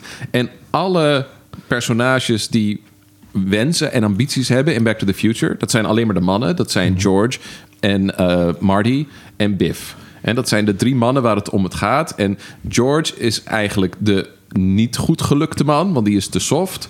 En Biff is de te harde man. Dus hij is eigenlijk de verkeerde, hè, de klootzak. Dus De bully. Marty moet zorgen dat zijn vader wel mannelijk genoeg wordt, zonder te mannelijk te worden. Hè, dus zonder te hufterig te worden. En, en intussen heb je dus een vrouw, een vrouw daarbij die geen ambities heeft, die alleen maar de beloning wordt voor de man die uiteindelijk de juiste soort mannelijkheid uitdraagt. Ja, maar even toch wel een kanttekening, hè? want dit, dit, dit, dat is natuurlijk gewoon wat er gebeurt eh, in, Ja. in de film. Ehm, maar ik ben het niet helemaal met je eens dat dat het doel van Marty is. Hè? Want op het moment, ten eerste komt hij per ongeluk in de jaren 50 terecht. Hè? Dus hij gaat niet naar de jaren 50 toe om daar iets te doen. Hij komt daar terecht omdat hij moet wegvluchten voor terroristen. Omdat waar ook Doc, nog heel- omdat Doc zei, dit is een aardige historische datum. Ja, precies. Eh, en, en, en terroristen waar ook nog heel veel over te zeggen valt. want maar- ik bedoel, even hè. Ja. Als je zeg maar namelijk mag kiezen naar terug in de Ja. tijd, ga je niet terug in de tijd om te zien hoe je vader en je moeder het hof Nee, maakt. nee, maar- maar daar heeft hij dus ook niet voor oh, maar wacht, wacht, nee, Ja. maar, maar, dan, maar dan zou ik altijd zeggen van hè, eh, eh, verhalen, of je nou hebt over romans of Nee, sprookjes tuurlijk. of films, Ben- ja. die zijn, het zijn, het zijn wensdromen, het zijn fantasieën. Nee. En als je dan zegt, wat is het probleem in Back to the Future? Het probleem dat moet opgelost worden, is het feit dat Marty niet erkend wordt voor wie hij is. Mhm. Dus hij wil, hij wil erkenning, maar die krijgt hij niet. Dus hij doet auditie voor een band, maar de, de, de docenten, Mhm. Huey Lewis die daar zit, die zegt nee, dit is allemaal, it's too darn loud. Ja. Eh, zijn, eh, hij heeft wel een vriendinnetje, dus daar heeft hij niet zo heel veel te klagen. Maar, Mhm. Maar hij heeft geen auto met, om met haar eh, op vakantie Nee. te gaan. Eh, en, eh, op vakantie te gaan om, haar, om met haar Om met naar, haar naar, naar Point Break, of we Ja, dat? Inspiration Point ja, te rijden. Ergens heen te gaan met Waar ze in een auto gaan zitten. Parking. Hij, wil, hij, heeft, hij heeft geen auto om mee te gaan parkeren. En hij heeft op zich niet heel veel om te klagen. En toch is duidelijk dat zijn leven kut is. En dat Hill Valley van 1985 Ja. ook heel slecht is. Ja. En dat zie Ja. je ook visueel. Het is heel mooi om daar naar te kijken. Als je ziet die, eh, die, eh, die shots van Hill Valley in het begin. Dan zie je het Ik asfalt allemaal schrok kapot. daar dus Ja. echt van. Dus Ja. Ehm, het, het was al wel weer een tijdje geleden dat ik hem voor het laatst had gezien. Eh, en ik ging samen eh, met Tom eh, naar Studio K, waar, waar een marathon draaide. Dus het was heel leuk om hem in de bioscoop te zien. Echt een hele leuke kijkervaring. Ook heel grappig, want ehm, mensen moeten allemaal heel veel lachen. Ik moest ook heel veel lachen, want dat doe je in de bioscoop ook meer. Maar ik, ik had... Eh, vroeger heb ik echt nooit gezien hoe die jaren tachtig eh, daarin verbeeld worden. Met al die graffiti en echt die verloedering. Ja, ja. En eh, jij wou wat zeggen over dat asfalt? Ja, nou ja, de- de- ik laat het altijd zien aan studenten met gewoon screenshots van, van, van die momenten in de film. Mhm. Omdat je het, als je in de film ziet, dan merk je het niet. Maar als je het beeld stilzet en je gaat kijken van ja, alles wat je ziet is ook ge- is, is geproduceerd voor dit shot. Ja. Dus ze zijn niet naar. Ze hebben heel Hill Valley hebben ze in de backlot van Universal Ja. gebouwd. En als je dan gaat kijken naar het verschil tussen bijvoorbeeld 1955 en 1985, dan kun je precies zien op wat voor manieren 1985 ja, naar en rottig Ja. is gemaakt. Klopt. En 55 aantrekkelijk. en dat zit in eh, details, zoals bijvoorbeeld het, het, het as- asfalt wat op de Mhm. straten ligt. Dat is dan kapot gemaakt voor 1985. Want de infrastructuur is niet goed meer. Ehm, het is ook niet nat gemaakt. Mhm. Terwijl voor een film, als je ergens een straat gaat filmen... dan moet je het altijd nat, nat, maken. ja. Want anders ziet het er suf en grijs uit. En dat is precies hoe het eruit ziet in 1985. Ook de, de, de gebouwen rondom het eh, plein in Hill Valley... Mhm. dat zijn allemaal of gesloten kerken of pornotheaters. Pornobioscopen, ja. Dus dat zegt ook al iets over ja, de, de familiemoraal en de degelijkheid van de Amerikaanse samenleving. Die is helaas verloederd Mhm. en die is vergaan. Niet helemaal ontoevallig, omdat er nu dus een zwarte burgemeester is, terwijl er vroeger een witte burgemeester was. Ehm, terwijl als je teruggaat naar 1955, Mwah, mwah, nou ja, ze Ja. hebben hè, Ja. in 1955 heb je een burgemeester, een witte burgemeester, en die zegt Nee. progress is his middle name. En het klopt, want ze gaan vooruit en het gaat goed. Tom- En in 1985 heb je mayor Goldie Wilson, dat is een zwarte burgemeester, die zegt ook progress is his middle name, maar daar is het een leugen. Tom, eh, Tom, Tom zegt. ehm, eh, dat, hij wil graag benadrukken. Dus lees even voor wat Tom heeft ingestuurd. Qua verloedering lijkt het best veel op de angst voor slechte steden, die we wel uit meer media uit de jaren 80 en 90 kennen. Maar er is niet echt een verheerlijking van het platteland dat daar dan uitvolgt. Het is meer een angst voor het verval van de suburb en een verlangen naar de suburb als een soort semi-urbane idylle voor witte Ja. Amerikanen. Nou, wat ook heel, wat heel mooi is om met die graffiti ook te zien, is dat de school van Marty, Mhm. waar ze gewoon een kantoorgebouw op de Universal Backlot voor hebben gebruikt, alleen hebben ze tralies op de ramen gemaakt om de school nog, nog rotter Mhm. te maken. De, de school is een, is een echte school. Het is zelfs de, de school waar Richard Nixon kennelijk eh, Ah, opgezeten nou, maar daar hebben ze dus eh, ja. graffiti opgespoten in het Spaans. Ja. Dus er staat Spaans, staat, maar, maar dus, je ziet nergens in Hill Valley zie je Hispanic kinderen Nee. rondlopen. Of überhaupt iemand die niet wit is. Behalve dan de burgemeester. Dus het is een hele rare... Alles, alles in het Hill Valley. En dat klopt eigenlijk ook met de naam. Hill Valley is een tegenstelling. Het is, Oh, ja. is het nou een heuvel of is het een vallei? Nee, het is allebei tegelijkertijd. Je ziet daarin precies de tegenstellingen van jaren 80 Amerika. De wens van hoe wilden wij dat het was. We wilden op het huis op de heuvel wonen. Maar tegelijkertijd voelen we alsof we ergens diep in een vallei zitten. Die zit heel erg in dat beeld verankerd. En, één, en nog één laatste detail wat ik altijd wat ik heel leuk vind om te noemen. En als je nog naar de film gaat kijken. Is ook- als je het eenmaal ziet, dan vergeet je het nooit meer. Als je in 1985... Je hebt, dat, eh, je hebt dat centrale plein van Hill Valley. En dan heb je dat grote gebouw. Hè? Ja, de Clock Tower. Eh, de Clock Tower. En die staat stil. Want de tijd is toen stilgezet Ja. in 1955. Want sindsdien zijn we niet meer vooruit gegaan. Dus alle progressieve bewegingen... die zijn eigenlijk ook letterlijk gestopt... Op dat moment, of die hebben eigenlijk een vooruitgang in de weg gezeten. Maar dat gebouw, er staat in 1985 op... Department of Social eh, Security. ja. Ja. Dus dat, eh, als je in 1955 terugkomt, dan zie je dat op dat gebouw, die hele gravering, die staat er helemaal niet. Nee. Want er, was geen, er waren geen uitkeringstrekkers in 1955. Iedereen had netjes een baan.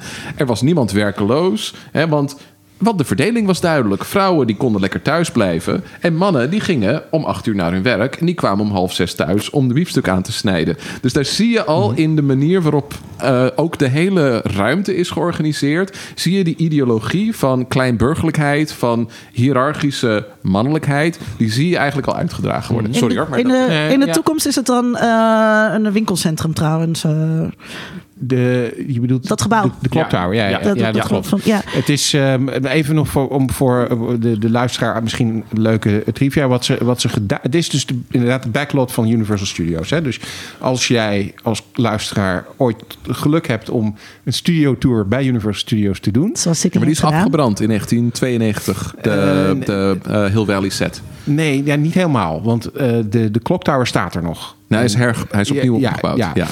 Ehm, dan kan je dus inderdaad in Hill Valley min of meer gaan rondrijden. En er zijn ook andere films opgenomen. Dat, dat wordt allemaal uitgelegd als je naartoe gaat. Maar wat ze dus gedaan hebben, is ze hebben ervoor gekozen om dat op die backlot op te nemen. Omdat dat eh, mogelijk maakte dat ze eh, een stadje uit de jaren 50 helemaal gingen bouwen.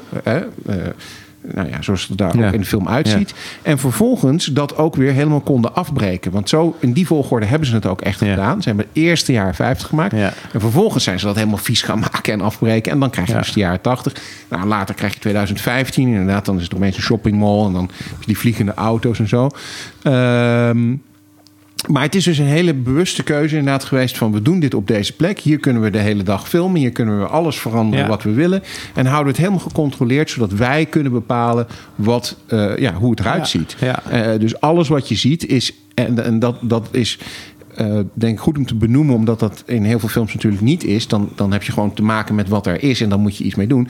Alles wat er is, is bedacht, is Ja. ontworpen, is gemaakt. Er is, er is niets toevallig, zeg maar. Nee, is niks aan Maar, maar dat is dus ook. ehm, het, is, het zijn natuurlijk helemaal niet de jaren 50. Het zijn de jaren 50 die Amerikanen kennen uit televisieseries. Ja. Eh, eh, het is een totaal. Het Amerika van Happy Days en ja, Grease. wat nooit, wat nooit bestaan heeft. Ja, Wat ik dus heel. Ik vond het echt de ondraaglijke witheid Mm. van het bestaan. Gewoon wow, echt als een soort klap in je eh, eh, gezicht vond ik dat. En dan dus ook nog eens een keertje de rol van Marty dan dus vervolgens in, eh, in de emancipatie van zwarte mensen. Dus hij is degene die het voorstelt aan degene die later burgemeester, later zwarte burgemeester gaat worden. Hij is degene die zegt: Oh, misschien kan je burgemeester worden. En dan zegt hij: Oh, wauw, ja, dat is een goed idee. Dat kan ik ook. Maar hij had dus wel gewoon een wit jochie nodig die dat aan hem voorstelde. En dan. En dan gaat Marty ook nog eens een keertje de rock and roll uitvinden. Wat natuurlijk gewoon. Ehm, eh, eh, denk het ook aan Elvis, zeg maar. Die, Ja, die, ja, die ja, gewoon ja, ook. ja, dus, ja. dus zeg maar. Je, Maar je- wat- je- ik, bedoel, ik vind culturele appropriatie vind ik onzin. En daar ga ik Mhm. graag met luisteraars over in discussie. Maar dit is toch wel echt wel gewoon een toe-eigening die niet oké is. Nee, maar het, maar het dat is grappige, zo, maar- het grappige van dat moment, van het Johnny B. Good moment Mhm. in die film eigenlijk, is... ehm, want ik heb daar ook... Ja, dat is ook een van mijn stokpaardjes van hoe... eh, ja, de, de civil rights movement eigenlijk gewoon heel ondergeschikt wordt gemaakt aan de belevingswereld van, een, eh, van een witte tienerjongen. Of iemand die, die een tienerjongen speelt in ieder geval. Maar het grappige is, omdat ik, ik blijf die film... Eh, laat ik, ik, ik zei op die film, maar het is een van mijn favoriete films aller tijden. Dat, dat kan gewoon Ja. naast elkaar bestaan. Ik, Ja. vind, ik vind dit soort kritiek is niet een afbraak aan de film, maar voor mij, en dat meen ik het oprecht, interessanter. het voegt gewoon een, een hele andere dimensie toe, die die film nog interessanter en prikkelender maakt. En mij natuurlijk ook een excuus geeft om nog vaker te kijken. Nou. Maar het mooie van die, ehm, of, of het, het meest fascinerende van die eh, culturele, ac- van die eh, Marvin Berry sequentie, is ehm, dat was natuurlijk, dat was een moment waarop je ook op een leuke manier, op een positieve manier had kunnen zeggen: hè, dit is ehm, een moment waarop iemand die al weet hoe de eh, toekomst van popmuziek zou ontwikkelen, hoe hij met de volledig zwarte band, want de enige zwarte mensen zijn degene die het amusement eh, eh, aanbieden. Zijn wel ook drugsgebruikers. Die op, hè? ja, die op het podium Nee. blowen, maar die op het podium staan. ehm, waarop zij ineens elkaar vinden. Dat had heel goed gekund. Want de muziek die hij gaat spelen is zwarte muziek. Op het moment dat hij Johnny B. Good begint te spelen. Maar waar het dus definitief fout gaat, is niet eens in het moment van hij kent Johnny B. Good en gaat het spelen voordat Chuck Berry het zelf ging spelen. Maar het is in de ontluistering van de zwarte muzikanten op het podium. Want als je naar die scène kijkt, dan zie je hij begint te spelen. En er zitten een aantal close-ups van die zwarte muzikanten. En die kijken elkaar aan, want die hebben tot nu toe echt van die ontzettend saaie, Ja. witte jaren 50 bourgeois popliedjes staan spelen. En die kijken elkaar aan van, nou, wat is dit nou? Ik heb nog nooit zoiets gehoord. Terwijl als je een klein beetje verbeelding hebt, dan weet je, ja, maar als dit zwarte muzikanten in de jaren 50 zijn, dan staan zij hier een beetje geld te verdienen door op weet je wel, feesten en partijen te spelen, waar ze witte muziek moeten doen. En hier begint de jongen opeens onze muziek te spelen. Zij zouden eigenlijk wakker moeten worden van, oh fuck, oh, we gaan we boogieën? Oké. Maar Bob Zemeckis en Bob Gale die denken, nee, dit is helemaal nieuw. Dit is, en, en dat is, en dat is, Zelfs en Dirty dat, Dancing doet dit beter. Precies. Ja. En dat breekt de Daar film heb je dus wel echt underground op. muziek. Dan merk je van, je hebt niet alleen te maken met twee witte nerd jongens die een soort, nou ja, gek vertekend beeld Ja. van de tijd van hun ouders hebben. Maar ze hebben ook niet goed nagedacht over op wat voor manier ehm, eh, de relatie tussen nou ja, zwarte cultuur en zwarte muzikanten en een witte jongen die dat komt spelen, hoe dat zou zijn. Maar ze schieten te ver door in hun wens om daar een heldenmoment van te maken. Ja, maar, maar het is wel echt zo dat ze daar niet over hebben nagedacht. En dat is misschien wel Ja, een nuance ik die ik klein beetje wil aanbrengen. Want, eh, de auteur is dood, dus wat we erin lezen, Nee, nee, nee. dat lezen we Bob. Zemeckis leeft nog. Maar Precies, maar Bob, Bob Zemeckis en Bob Gale... eh, Bob Zemeckis is volgens mij een stuk sympathieker dan Bob Gale, maar goed... ehm, hebben dit niet zo bedacht. Dat is wel duidelijk. Ehm, dat, dat, dat, daar, daar zijn ze ook over geïnterviewd. Over dit moment bijvoorbeeld. Hè, want daar zijn he- Ja. heel veel mensen over gevallen. Hè, Ja. Van ja, eh, witte man die dan opeens de, de, de, De rock'n'roll rock, rock'n'roll uitvindt, uitvindt. Ehm, en daar zeggen zij zelf ook van... Het, het- dit, dit was een grap die wij bedacht hebben op dat moment. Waar we eigenlijk Maar dat je dat. Nee, maar Ja, dat, nee, nee, nee, maar dat je zo Ja, ja, ja, ja. fucking blind Ja, bent voor. maar- maar toch dat- wel dat echt. Ik bedoel, een, Ja. een ding uit de, uit de muziekgeschiedenis die toen Ja. al lang heel goed Absoluut. gedocumenteerd is, is je nog steeds aan te schrijven. Of je nou dood bent Ja, of niet. Nee, nee, nee, dat met is, je dat- dat is- auteursintentie. Dat, is ook absoluut aan te rekenen. Alleen, ehm, wat, ik, wat, wat ik toch wel belangrijk vind om te benoemen... dat een heleboel van deze dingen, die zitten erin... maar die zijn er in ieder geval niet heel bewust ingeschreven of ingelegd. Dit is niet geschreven. Nee, Oké, wacht. ik, ga even, nee. ik ga even een citaat van Tom eh, erin gooien. Tom zegt: eh, Ik vind het wonderlijk dat de films wel negatieve racistische eh, dingen uit het verleden voorbij laten komen. Genocide op natives, de onderdrukking van Afro-Amerikanen. Zonder daar echt de aandacht op te leggen of het een rol te laten spelen in het verhaal. Ja. Waarom zit het er dan überhaupt in? Vraagt Tom. Ja, omdat dat, denk ik, en dat is eh, geen excuus, maar meer een feitelijkheid. Net zoals wij in de jaren tachtig, ehm, gelukkig enkele uitzonderingen daar gelaten, maar eh, de meeste ook woke Nederlanders, bijvoorbeeld Zwarte Piet, helemaal niet door hadden wat daar aan de hand was. Is dat denk ik voor deze eh, witte mannen die dit in de jaren tachtig hebben geschreven ook zo geweest. Het is gewoon enorme domheid. Niet, niet, dat, niet, dat, niet dat besef hebben, niet die, eh, dat inzicht hebben, dat niet hebben kunnen zien. Gewoon door de tijdsgeest die er, die er eh, ook was.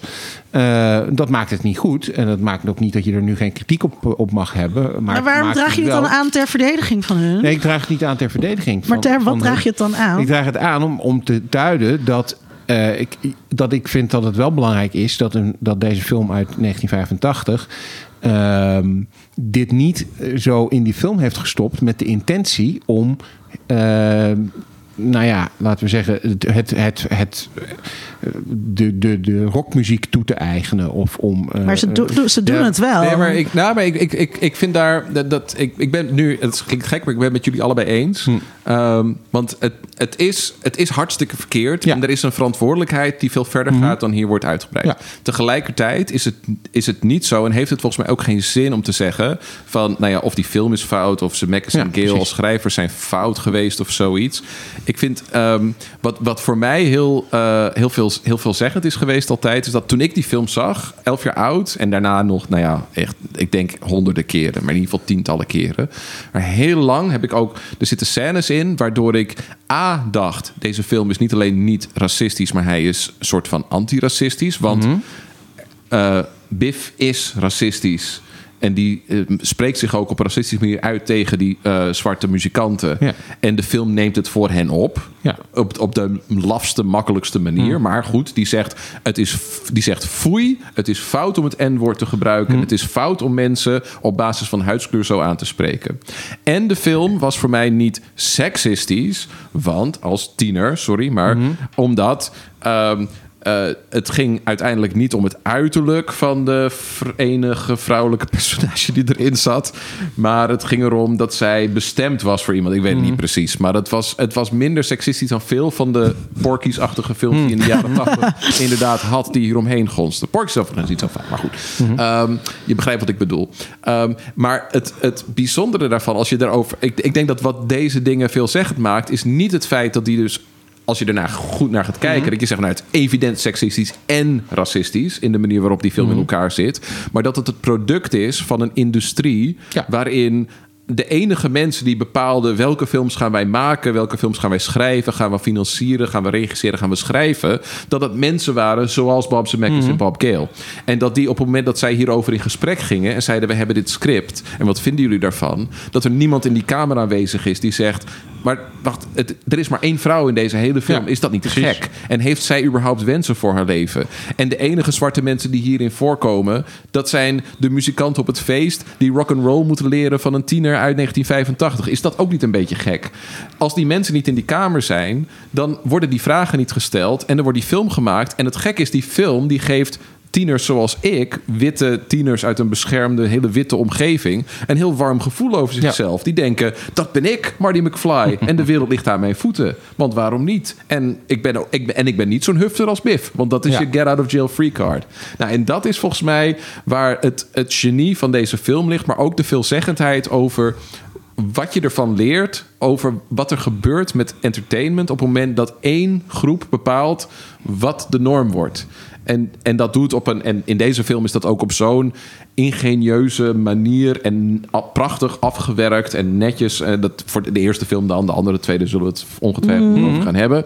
Maar eh, voor Back to the Future uit 1985, ja, die film zit als een, als een, als een horloge in elkaar. Weet je, Ja. die alles eraan lijkt te werken en klopt. En de grappen zijn leuk en het, het klikt en de, de, de, de timing en de pacing, alles klopt aan die film. Er zijn heel veel essays geschreven over. eh, vraag is even of dat zo is. Maar Of het perfecte de perfecte script is film zijn en de perfecte ja, ja, ja, ja, film ja. is.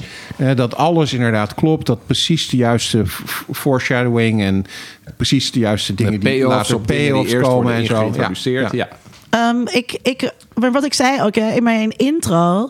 Eh, ik verlang dus wel terug ook naar die kijkpositie die ik dus in de jaren tachtig had. Ja. Waarin ik naar zo'n film kon Ja. kijken. En het me dus niet opviel dat Jennifer, het vriendinnetje van Michael J. Fox, gewoon niet bestaat. Zij doet niks. Zij doet echt helemaal niks. Er Nee, maar zijn moeder ook niet. Die heeft, geen, ook- die heeft geen, zij heeft geen intern leven. Zij is gewoon een. Pro, zij Zij bestaat een alleen plot device. Is een plot device. Het is een male gaze plot device. Ja, ja, degene die de meeste indruk op haar kan maken, wordt beloond met haar lichaam. Dus Ja. eh, haar lichaam wordt ge- geschonken aan de man die haar verdient. En zij bestaat alleen maar zodat de held iets kan doen. Ja, precies. En, ja, en, ja. En, en, en, dat, ah, en ook dus, eh, die moeder, die is dus, het is alleen maar Madonna hoer. Het is of Madonna of de hoer. Er is, er is geen ander vrouwbeeld Ja, ja. eh, in deze film. Dus ehm, eh, zijn moeder moet de moeder zijn. En dan blijkt ze dus nou, ja, niet, niet sletterig te zijn, maar wel eerder met een jongen geparkeerd te hebben. En ze rookt. En ze, en ze rookt. En dat, en dat vindt hij dus ook verschrikkelijk. En natuurlijk, Ja. ik vind het helemaal niet leuk. Ze is geen Madonna. Dus oh nee, Nee. mijn moeder is een hoer. Ja, ja, precies. En maar ik vind, het dus helemaal, ik vind het helemaal niet leuk om dat op te moeten merken als ik naar een film kijk. Dat vind, Nee. Ik wil dat helemaal niet. Ik wil helemaal niet op al die dingen letten. En, toch, en toch doe ik het. Ehm, Ja, en, maar dat, dat, maar dat is op zich natuurlijk logisch, omdat je nu naar die film kijkt. Ja, en dat ik is wat ik ook eigenlijk... Ik denk, Nee, ik, maar ik er denk zijn dat wij Ik- mensen, ik probeer- allemaal mensen helemaal die met ons nu eens naar die zijn. film kijken en die dat, dat ook nog steeds prima zien. op die manier Ja, kunnen dat is- zien. dat is waar. En die ervan balen als ze dan van mij een college krijgen, want dan ga ik uitleggen wat er allemaal verkeerd in is. Zeggen ze, oh jezus, nou kan ik nooit meer terug, want ik heb het nu, ik heb de, ik heb de red pill genomen en nou is de wereld, Mhm. en, en nu zie ik al die dingen. Maar, daar, maar daarom is het goed, toch wel belangrijk, ook voor ons luisteraars, denk ik, eh, om, om, om daarbij wat jij net eh, zei nog even stil te staan. Dat, je dat, dat, dat het wel allebei. Ja, jij zit volgens mij nu heel erg aan de kant van: ik kan dit niet meer. Nou ja, met plezier kijken. Kon- nee, kon dat is helemaal maar- niet waar. Nee, ik, heb, ik heb net ook gezegd. Maar je ik wou, heb, wou dat je terug kon uit die, uit die Ik- kritische blik. ja, ik, ik wou, ik wou dat- dat ik niet oh, wist wat, het- wat het- een mail nee, game oh, was. maar volgens mij nee. kan En het dat- allebei. Volgens en mij dat- kun je, kun je en dat eh, is- precies dat wat is- Dan net zei, je kunt gewoon, gewoon en deze film nog steeds vanuit die, nou ja, bijna Nee, ik kan hem niet meer zo naïef kijken Nee, dat- als nee, dat, ik hem toen, als ik dat als ik hem toen keek. En maar nee, het is nog steeds een ontzettend vermakelijke eh, spektakelfilm die heerlijk is en al die dingen wat jullie net zeiden over die pacing en zo, dat dat voel ik heel erg. En ik heb met heel veel plezier ehm, eh, die film gekeken. Ehm, ik wil daar nog eh, één ding over zeggen, denk ik, over, over, over deel 1. Ehm, wat dus ook heel leuk gedaan is. En we hebben natuurlijk net die uitzending over He-Man eh, gemaakt. De- wat was het? De oerhummus van de, van, van de populaire cultuur. Ehm, dat, eh, hier zie je dus ook, hè, het jaar is 1985. En er zitten zoveel popcultuur eh, grapjes in. Ja. Ehm, Ja, over, die, nu ook niet, die, die mensen waarschijnlijk nu ook niet meer snappen. Jawel, want het gaat over Darth Vader en Calvin ja, Klein. Darth, Darth Vader wel. Ja. En eh, dus, dus dat is volgens mij heel goed te, Mhm. te snappen. En de jaren tachtig waren wel dat moment eh, dat dat geboren werd. Dus het wordt nu Ja. net gedaan. Het wordt een beetje in de jaren 50 geplaatst met het ontstaan van jeugdcultuur Mhm. en zo. Maar de jaren tachtig was wel het moment. Ehm, eh, eh, eh, dat die popcultuur gevestigd werd. Of dat iets, zoiets als popcultureel kapitaal ging, over, over, sorry voor, voordat jij dat zegt. Over, over Calvin Klein is wel grappig op te merken. Dat was dus, dat, dat denken wij nu, want we kennen nu allemaal Calvin Klein.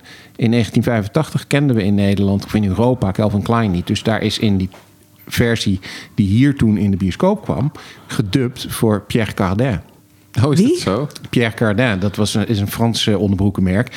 Eh, maar omdat niemand hier Calvin Klein kende, hebben ze bedacht van nou dan moeten we er een andere naam van maken. Maar je snapt ook, als je Calvin ja. Klein niet kent, snap je toch dat dat een merk Maar, is. dat, maar volgens mij is dat de grote transitie. Is in de jaren tachtig heb je een, een onvoorstelbare commercialisering gehad. Een grotere branding Ja. die je op... op en, en de oorlogen precies tussen Coca-Cola en Pepsi... Ja, waar we het eerder ja. over hadden. En dat ehm, eh, popcultuur... eh, steeds meer werd geclaimd door grote mediabedrijven die daar hun logo op wilden plakken.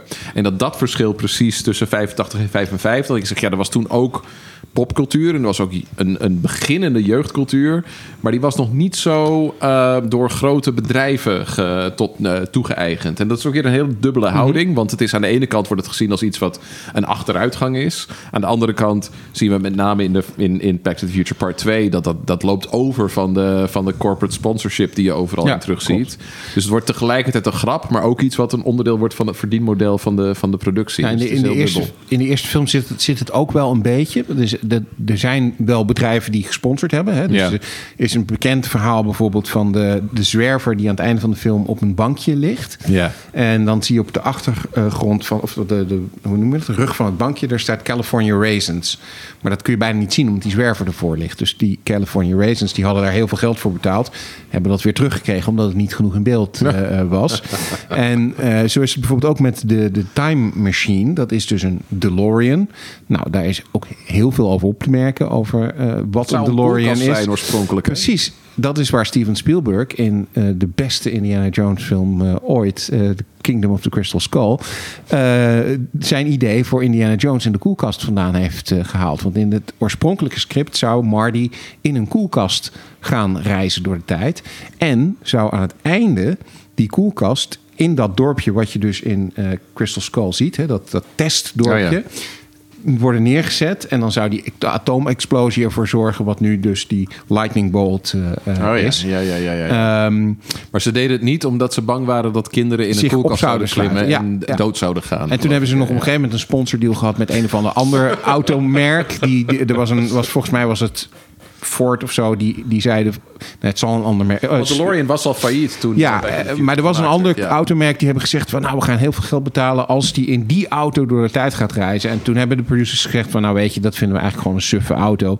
Een DeLorean is gewoon vet, eh, ongeacht dat de bedenker daarvan een kookdealer was en weet ik veel wat je Dus allemaal. de DeLorean heeft niet eh, betaald eh, Nee, daarvoor. nee, gek genoeg dus niet. Want die auto was op dat moment al helemaal niet meer eigenlijk in productie. Ja. Eh, dus eh, ze hebben die auto echt uitgekozen omdat ze het gewoon een hele rare, vette auto vonden met die vleugels en, en noem het maar op. Is dat ook? Het is echt fucking vet. Het is een hele vette auto. Ik zou er ook wel eentje willen hebben, maar ja, Je rijdt helemaal nooit auto. nee, ik ga nooit auto. En Laat staan dat je zo'n auto gaat. Eh, Het schijnt, Ja. echt, het schijnt ook echt eh, een, een, een, een hele slechte auto te zijn. Eh, ik weet dat Michael J. Fox heeft in interviews ook wel eens gezegd dat hij het vreselijk vond om in die auto te rijden, omdat het ding gewoon echt gewoon een slechte auto is. en hij kan ook hebben de, de, de speedometer, hoe noem je dat de, in het Nederlands? Oh, oh de, de, ja. snelheidsmeter? De snelheidsmeter. Die ging maar tot va- eh, 85. 85 miles an hour. Dus daar hebben ze Let's voor see de, if you can do 88. Daarom hebben ze hem dus voor de, voor de film hebben ze een nieuwe speedometer erop moeten zetten. Want dat ding ging helemaal niet zo hard. Ja. Wat grappig. Ehm, Oké, deel 1 misschien wel een van de beste film aller tijden eh, qua pacing en eh, hoe dat allemaal Ja, loopt. niet? Ja. En eh, toen eh, zeiden Tom en ik tegen elkaar in de bioscoop: zullen we ook deel 2 kijken? Nou ja, we zijn er toch eens. Dat is toch leuk in zo'n zaal met andere mensen. Oké, dus we gingen Mhm. Oh, ook ik kan niet omdat deel meteen 2 erachteraan. kijken. Ja, ja, dat was me wat. Nou, Tom. lieve luisteraar. Ehm, Tom zegt: 2 is tergend saai en lijkt alleen maar een soort best-of compilatie van de vorige film. Dat is, eigenlijk het, dat is eigenlijk het enige wat er over te zeggen is. Was je- Alles wat goed is aan 1 wordt eigenlijk dan ook dus een soort kapot gemaakt door 2, waarin dus alle goede stukjes nog een keer terugkomen. Alles wordt uitgelegd. En de luisteraar weet hoezeer ik het haat als mij de hele tijd dingen uitgelegd ehm, worden. Is het een. Want en dat wou ik ook nog zeggen. De jaren tachtig waren ook hè, dat mensen. We kregen videorecorders, we konden dingen eh, opnieuw afspelen. Er waren heel veel reruns op tv gezien. Is dit gewoon een rerun van deel 1? Eh, voor een deel wel, maar er zijn twee opmerkingen bij te maken. Ten eerste, dat was het concept van sequels op dat moment eigenlijk altijd. Je maakt de eerste film nog een keer. Maar niet met het materiaal van de eerste film. De Nee, hele tijd er nog en, in. En dat is dus ook niet zo. Want eh, was het je opgevallen dat die openingsscène uit deel 2 een andere is dan de eindscène uit deel 1? Ja, want, want. Jennifer is een andere Ja. actrice. Ja, natuurlijk was het me opgevallen. Want ik kijk wel naar zulke dingen. Niet alleen maar, oh, knap Ja, meisje. oh. Ja, Dus, dus, dus hebben dat- die, die gigantische ogen kan Ja, maken ja. de hele tijd. Alsof die iedere letter... Zij is fucking blond. Die andere girl was, Ja. was brunette. Maar even om, om dat tweede Is dat je opgevallen? maken. eh, dat, dat, Sydney. je kunt Ja, maar dat, je kunt dat- kijken nou eenmaal slechter naar films dan mannen. Dus dan heb je dat. Nee, maar het is eh, het, het, het, het herhalen van, eh, van, van eh, gebeurtenissen, dat, dat, dat zit ook al in de eerste film. En dat is natuurlijk een beetje gewoon het concept van Back to the Future. Dat. Eh, ja, Ja, maar hè, ho, ho, dat, ho, dat, wacht dat even. dingen, dingen zich herhalen. Dat Even- er altijd een Ja, biff is. Dat er altijd nee, maar hey, een even- skateboard is. Even, even, even het concept van Back to the Future, om het even zuiver te houden. Ja. Hè, het, het was nooit de bedoeling Om een om sequel te maken. Om een Nee. volgende film te maken. Nee. Ehm, aan het eind deden ze dat als grapje, maar... We gotta get back, daar- back daar to the hebben- future. Daar hebben, dat, dat, dat idee dat ze aan het eind naar de toekomst gaan, was een soort van... Dat was de uitsmijter. Dat Precies. was van, en wat zou er dan gebeuren? Nou, lieve luisteraar, dat is aan jullie. En dat we waren precies- nog maar aan het begin van het tijdperk van franchising. En het idee dat de film zo succesvol zou worden dat er een vervolg op moest komen, dat was nog helemaal niet zo vreselijk lang. En het was helemaal niet zo vanzelfsprekend. De meest succesvolle film op dat moment was E.T. Ja. En op E.T. Is, godzijdank, tot op vandaag nog geen sequel of wat dan ook, of spin-off of tv-serie geweest. Dit is ook de reden overigens waarom Jennifer, als ze eenmaal in de toekomst zijn, meteen uitgeschakeld Ja, werd. want ze hebben meerdere keren gezegd in allerlei interviews... van ja, als wij ook maar enigszins hadden gedacht dat er een sequel zou komen... dan hadden we Jennifer natuurlijk nooit in die auto mee laten gaan. Want wat Ja. ga je in godsnaam doen in 2015 met z'n drieën... met als derde personage een vrouw waar wij geen enkele interesse in in hebben... hebben, in ja. wie zij is of wat ze wil of wat dan ook. Wat is een dus, vrouw? Dus die maken we meteen onbewusteloos. Ja, nee, we leggen er hier wel even neer. Ja, en het daarna, maar- en daarna ook, hè? laserdiscs. Maar, daarna, maar daarna ook, ik bedoel, in die toekomst ligt ze daar nog redelijk, eh, redelijk oké. want die toekomst is nog wel, wel goed. Maar dan gaan ze dus terug naar, naar het, het, het, horror 1985. Trump. De, Eh, Trump-tijd. de Trump, de Trump-tijd. Trump-tijd, waarin, waarin de Biff eh, een casino ehm is dus eh, echt- runt en zo. En dan leggen ze haar dus... eh, ze brengen haar naar haar huis. En dan zegt Michael J. Ja. zegt ook nog... Oh, ik herinner me helemaal niet dat hier tralies waren. Oh, ik er wel buiten neer. Terwijl later blijkt dat, ze, dat, de, dat, de, dat de directeur van zijn school... Weet je wel, met een geweer de ja, mensen van zijn erf af moet jagen. Ja. En hij heeft gewoon Dus die girl laten gewoon liggen. buiten laten we gewoon even laten we liggen. waarschijnlijk dat het een droom was of Ja, zo. ja. Nee, het is... Maar, maar even nog over die, die, die, want we zeiden het net al even, Trump. Ehm, dat is nu natuurlijk heel, heel, heel makkelijk. Hè? Want als je Biff Tannen en zijn toren en zijn casino ziet... dan denk je onmiddellijk van, eh, nou, ze hebben dat... eh, Ze dan heeft zich gejat van Trump. van Trump. Maar het is ook, het was toen Het is- al gejat Ja, van Trump. nee, want, maar- want ze hebben bijvoorbeeld, er hangt een, een portret van Biff eh Tannen hangt dan achter zijn bureau. Dat is dus een, een, een portret van Trump waar ze gewoon zijn hoofd op geschilderd hebben. Eh, dus, dus zelfs toen al, dat, dat vind ik eigenlijk, vond ik een heel bizarre constatering. Zelfs toen al was dit een parodie Ik, heb, op ik, Trump. heb, eh, ik had het eigenlijk wou ik dat voor het einde eh, bewaren, maar jij begint er nu over. En maakt niet uit. Mensen houden zich nooit aan mijn draaiboeken. maar ehm, oké, in, in deel 1 kan Michael J. niet goed duidelijk maken. Want dan, dan zegt ze, oh ja, who's, who's president in the future? En dan zegt hij Ronald Reagan, Die actor. en dat is natuurlijk hartstikke grappig. Ehm, ehm, want het heden, heb ik opgeschreven, is in het verleden onuitlegbaar. En dat hebben wij natuurlijk ook. Ik bedoel, als Mhm. Ja. wij terug zouden gaan Ja. naar 1985 en ze zeggen, oh ja, who's president? En wij zeggen Donald, Donald Trump. Trump, ja. En dan zo, wat? Dat was een slechte Simpsons aflevering. Ja, ja, dat dat, bedoel, ja. dat, dat, dat, dat, eh, maar dus, ehm, ehm, eh, het is ook eh, onuitlegbaar. Ja. Ja, klopt. Maar Het is trouwens wat, wat, wat volgens mij wel uitlegbaar is, en eh, ja, daar wil ik me toch wel aan wagen, is waarom. Oh ja, eh, de, reali- tweede de film- realiteit is altijd absurder Nee, dan, nee, het, nee, nee, dan nee, wat je nee, kan nee. bedenken. Nee, maar waarom deel 2 niet alleen, nou ja, echt, echt, nou ja, of je hem nou leuk vindt of niet, hij is duidelijk niet zo goed als de eerste film. Daar Nog kunnen we het over eens eh, zijn, toch? Dat vind je ook, toch, Ja, eh, eh, ja, ja. Oké, oh nee, maar Eén- trivia dingetje voordat je dat doet. Het was ook de, een van de favoriete films van Ronald Reagan zelf. Hij heeft hem zelfs op een gegeven moment in een Ja, speech... hallo. Ja, die nou, Reaganomics, die, die, die, maakt niet uit. die, die het Eh, ademt maar, het. Maar er is, er is een andere, voor, nou ja, voor mij een andere Eén reden. neem ik aan waarom, dan, niet twee. Nee, deel 1. Deel één. waarom Back to the Future Part 2 een, een, een zo, nou ja, niet alleen slechtere, maar ook wezenlijk andere film is dan Back to the Future. Als je kijkt naar de films van Robert Zemeckis tot en met Back to the Future, dan zie je dat zijn allemaal films die, die zijn opgebouwd Roger rondom Rabbit. één belangrijk personage. Used Cars is een, is een fantastische film die hieraan vooraf ging met Kurt Russell in de hoofdrol. Uh, daar, na Back to the Future had hij ineens het per, per ongeluk en tot iedereen's verbazing een gigantische monsterhit Ja. eh, op, op zijn carrière, op zijn cv. En kon hij doen wat hij wilde. En wat bleek, Zemeckis, die tot dan toe altijd een soort van creatieve manieren om op, ja, met, met niet al te grote budgetten toch iets, iets eh, prikkelends te maken. Die zei, oh, maar dan gaan we onmogelijke dingen doen. En die is Who Framed Roger Rabbit gaan maken. En dat is een twee jaren project geworden. En als je kijkt naar zijn loopbaan sindsdien, dan zie je dat daar een gigantische, nou ja, andere instelling is gekomen. Dat het niet meer gaat om, ik wil een verhaal vertellen met een begin, een midden en een eind. Over één duidelijke hoofdpersoon. Maar ik ga een soort van visuele odyssee eh, openen. Die van begin tot eind overloopt van innovatieve effecten. En of Ja. je nou hebt over de Polar Express of Contact of eh, Beowulf of eh, Back to the Future Part 2. Ik denk dat als je ze na elkaar ziet, dan valt dat des te meer op. Er zitten best mooie effecten in Back to the Future, maar die zijn bijzaak. Het gaat, niemand Maar- kijkt die film om de effecten. Maar als je Back to the Future Part 2 kijkt, vanaf scène 1 is het één en al visuele effecten. Maar dat van is, begin tot maar dat is ehm, eh, ik, ik weet dus dat deel in de toekomst wist ik nog heel goed. En dat vonden we ook grappig. En die echo's eh, ehm, met eh, het, het, terug, het terug naar het verleden gaan in deel Mhm. 1 met het skateboard. En eerst is het dan het, het, het, Ja. het, het, het karretje wat hij tot skateboard maakt. En dan is het dat hoverboard. Dat is allemaal grappig gedaan. En het zijn allemaal een soort... ehm, Maar het is toch het herkauwen van scènes die je al een keer eerder in een maar, ver- maar vervolgens is het. ehm, eh, dus we hebben gadgets uit de toekomst, oké, Ja. weet je wel, grappig of zo, dat is nog wel leuk.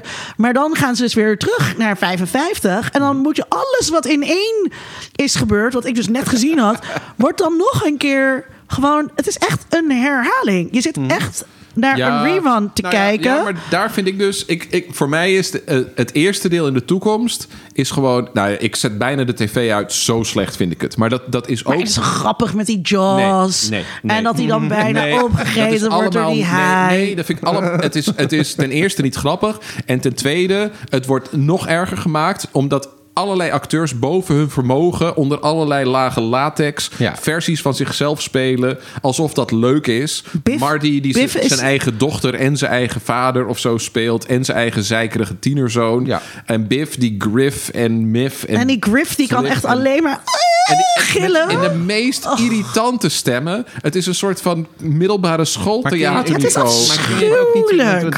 Want, want, eh, even voordat we inderdaad naar die jaren 50 eh, teruggaan. Ehm, Kan ik het back, wat, wat, ik- wat back, ik, back to the 50s. Wat ik dan wel heb, eh, het, het- ik vind het ten eerste niet zo slecht als jullie het eh, kennelijk vinden. Maar wat ik ook heb, is dat ik juist wel waardering heb voor eh, de, de techniek die daar gebruikt wordt. Want het is op een heleboel eh, eh, fronten gewoon technisch eh, heel vooruitstrevend wat ze daar deden. Ja, maar nee, laat dan één keer Ja. dat trucje zien, maar niet dat we alle scènes uit de eerste Ik heb film daar- ik heb- nog nee, een keer dat- kijken. nee, dat- dan komen we bij de jaren 50. Maar ik heb nu even over de toekomst. Hè. Dus 2015, inmiddels het verleden.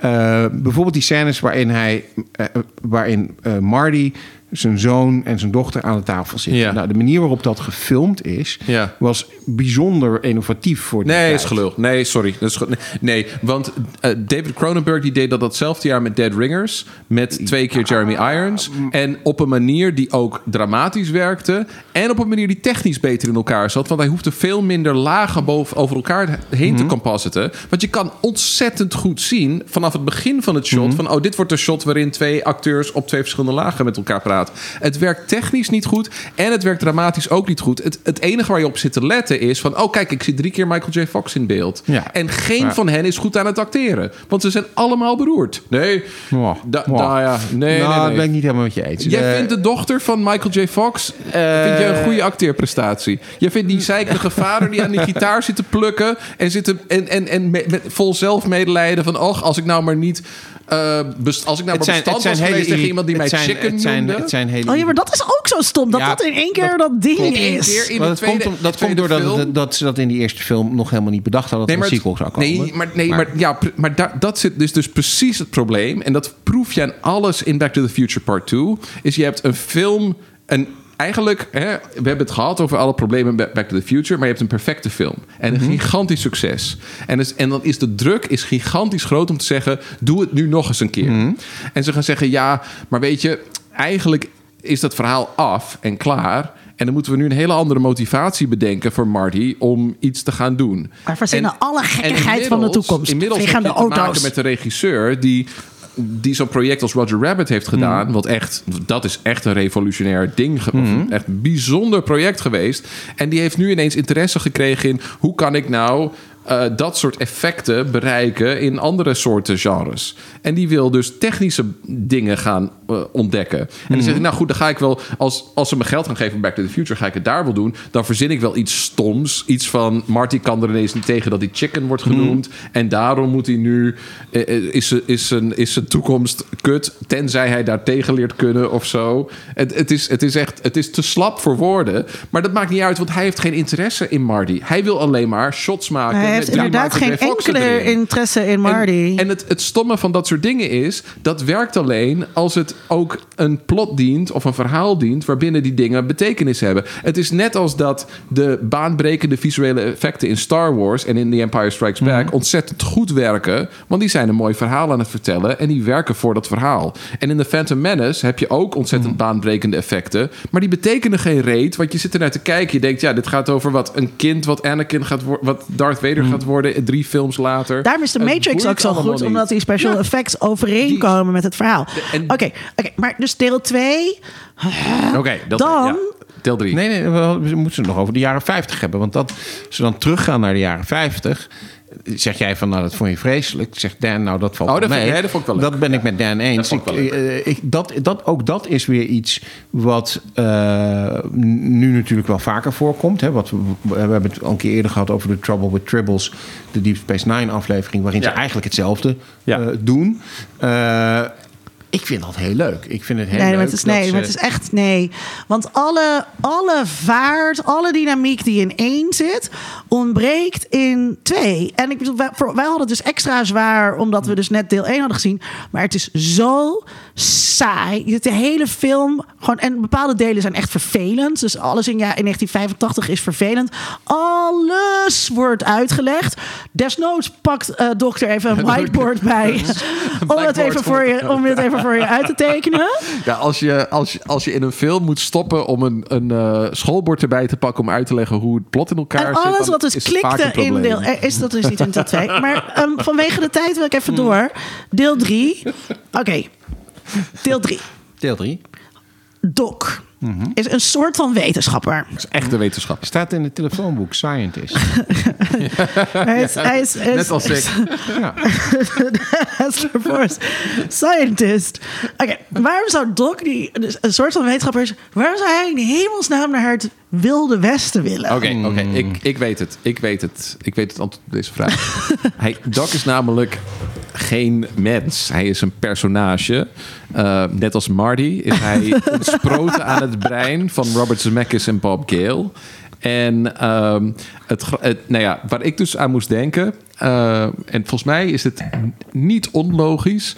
toen ik de... de um, Back to the Future trilogie opnieuw ging bekijken. Ik moest meteen denken aan de Toy Story films. Mm-hmm. Um, de Toy Story films zijn namelijk hele gekke films als je daarover nadenkt. Het zijn super moderne films. Mm-hmm. Hè? De eerste digitale animatiefilm was Toy, Toy Story. Um, en waar gaat het over? Het gaat over twee stukken speelgoed. En de een is een cowboy. En de ander is een futuristisch mm-hmm. space mannetje. En die tweedeling tussen een soort van adoratie voor het idee van de Amerikaanse Ik ben frontier. zo benieuwd waar dit heen gaat. En de nieuwe frontier van futurisme en science fiction en ruimtelijkheid. Dat is de wezenlijke dynamiek waar witte jongens in de jaren 50 en 60 mee opgroeiden. Ja. Dus de Kennedy-generatie is opgegroeid met aan de ene kant op televisie elke dag Gunsmoke en andere western-series. Ja, Bonanza. De- vo- voortdurend als, als hè, de helden van onze geschiedenis. En aan de andere kant, hè, als, als, eigenlijk als, als, als eh, verlengstuk daarvan, NASA en naar de maan en de, de, de final frontier, hè, dat idee. En die twee dingen, dus het futurisme van tijdreizen en nieuwe technologie ontwikkelen en de geschiedenis van, nou ja, genocide bedrijven en, de, en het Amerika en, en een heel continent onderwerpen aan jouw, nou ja, white supremacist ideologie. Dat, dat gaat hand in hand in Amerikaanse cultuur. Ja. En dat was op het moment dat die films werden gemaakt, werd dat nog niet in het publieke debat als iets problematisch gezien. Dus het werd nog niet gezien. Hè, we waren nog eigenlijk voor de jaren van Unforgiven en andere revisionistische neo-westerns die zeiden. Was dat nou wel zo oké om cowboy te zijn en om indianen allemaal. Want het begint ook echt heel erg met die indianen. Dat ik echt denk, Ja, wow, dit kan dit. De, de, de, dat, de- dat is waar. Maar het grappige is dus dat volgens mij... Genocide is niet grappig, Sydney. Dat is, is, me- meestal niet. Ehm, de NAVO... Volgens mij, Meestal niet. Meestal niet. In enkele gevallen. ja, De Armeense genocide daarentegen. Dat is echt de titel van deze aflevering. Genocide is meestal niet grappig. Welke genocides zijn dan wel Ja, grappig? You never expect the Spanish Inquisition. Het, het, het, het, Jij gaat, jij gaat zo gecanceld Ja. worden. de eh, opname van eh, die scène. Hè, want, eh, want wat er gebeurt. is, de- de- hij rijdt met, met de DeLorean Time Machine op een muur af waar dan een, een tekening staat van Native Americans. Of een schilderij. Eh, en dan rijdt hij door de tijd heen. Hè, vierdimensionaal Hartstikke denken. leuk gedaan. En dan komt hij in een, in een echte charge terecht. Ehm, het gekke daarvan is... Geniaal. Ze misschien- hebben daar nachten voor wakker. Wat kunnen we verzinnen wat we daar doen? Oh, wacht. Het zijn gewoon dezelfde Ja, indianen. nou ja, En, en, het, en het is dus opgenomen op Native American land. Dus ze hebben ook speciaal toestemming. Volgens mij is de Navajo Nation eh, moeten vragen. En die hebben daar dus ook toestemming Oh, dan kan het niet racistisch nee, zijn. Nee, nee, dat zeg ik niet. Daar, daar ga ik. No, no, no, no. Maar, maar die hebben, en die hebben dus ook meegespeeld. Want dat, die, die, die Native Americans die, je- die je daar ziet rijden, dat zijn dus allemaal Navajo die daar op dat stuk land ook, dat is hun land. Eh, dus in die zin is het, een is het toch raar, weer een beetje die paradox, dat, dat in de jaren tachtig, eh, eh, ja, men dat dus op de een of andere manier niet problematiseerde, maar zelfs... 1990 inmiddels. Of ja, 1990 zitten we dan al. Ja. Niet problematiseren, maar dus zelfs eh, de Navajo Nation daaraan meewerkte om dat, om dat te Oh, wacht, ik weet het antwoord op die vraag. Ja, Manies. ja, dat zeker. Dat zeker ja, ja, dat ja. zeker. Dan is ook Ja. zo van... Oh, maar zijn Native Americans anticapitalistisch? Waarom hebben ze dan die casino's? Ja, ja, ja. Ja. Maar ik, je je maar ik vond dus... ehm, eh, Maar even nog, eh, de- want weet jij vroeg ja. waarom gaat Doc Brown dan daar naartoe? Nou ja, Dan heeft net uitgelegd. eh, hè, Projectie is, van de eh, makers. Projectie van de makers. Ja. Als je gewoon nu naar het karakter zelf kijkt, dan, dan zitten er in die films hè, natuurlijk wel heel veel clues dat hij kennelijk iets met de, de, de western eh, tijd eh, heeft.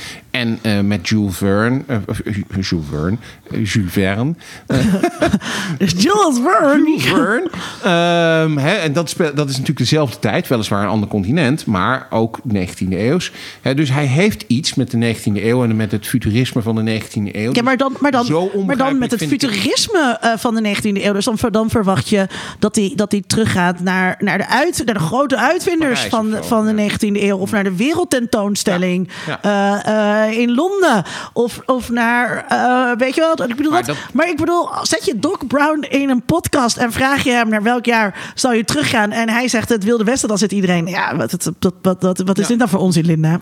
Nee, maar het is natuurlijk niet. Het, kijk, op het moment dat je zegt het Wilde Westen, dan zeg je ook niet: ik ga terug naar een bepaalde historische periode. Dan zeg je: er is een stuk mediageschiedenis. Ja. En dat is namelijk de Amerikaanse Western, wat een, ons, nou ja, een directe uitdrukking van Amerikaans, eh, eh, nou ja, cultureel en nationaal imperialisme is geweest. Ja. Het idee dat dit een stuk, dat, nou ja, dat land waar al mensen woonden, dat dat een soort braakliggend terrein was, waar de heroïsche witte man langzaam hun macht over kon doen gelden. En dat dat een waanzinnige tijd was, want toen waren daar nog geen wetten. Weet je wel, dat dat, dat, dat iets eh, aantrekkelijks is. Maar als je, die maar als je, dus, maar is- als je beta bent, dan ben je dus op zoek naar wetten. Dan wil je niet naar een tijd van wetteloosheid. Maar het is wel interessant wat je zegt. hè. Het is inderdaad niet een daadwerkelijk uh, een daadwerkelijke tijdperiode. Net als dat de jaren 50 natuurlijk, waar Mhm. Ja. ze naar teruggaan, Nee. ook geen daadwerkelijke tijdperiode ook, hè, is. Hoe heet je? Ik heet Clint Eastwood. Het is alleen maar, het is alleen maar een combinatie van John Ford en Sergio Leone. Wat Mhm. je dus ook krijgt in Back to the Future Part 3. Dat is wat Back to the Future Part 3 voor mij ook een hele leuke film maakt. Die film gaat helemaal niet over het oude Westen. Als je iets wil kijken wat ook maar een beetje over het Westen gaat, dan iets kijken als Deadwood of zoiets. Iets wat het in ieder geval een beetje serieus neemt van wat was er toen aan de hand.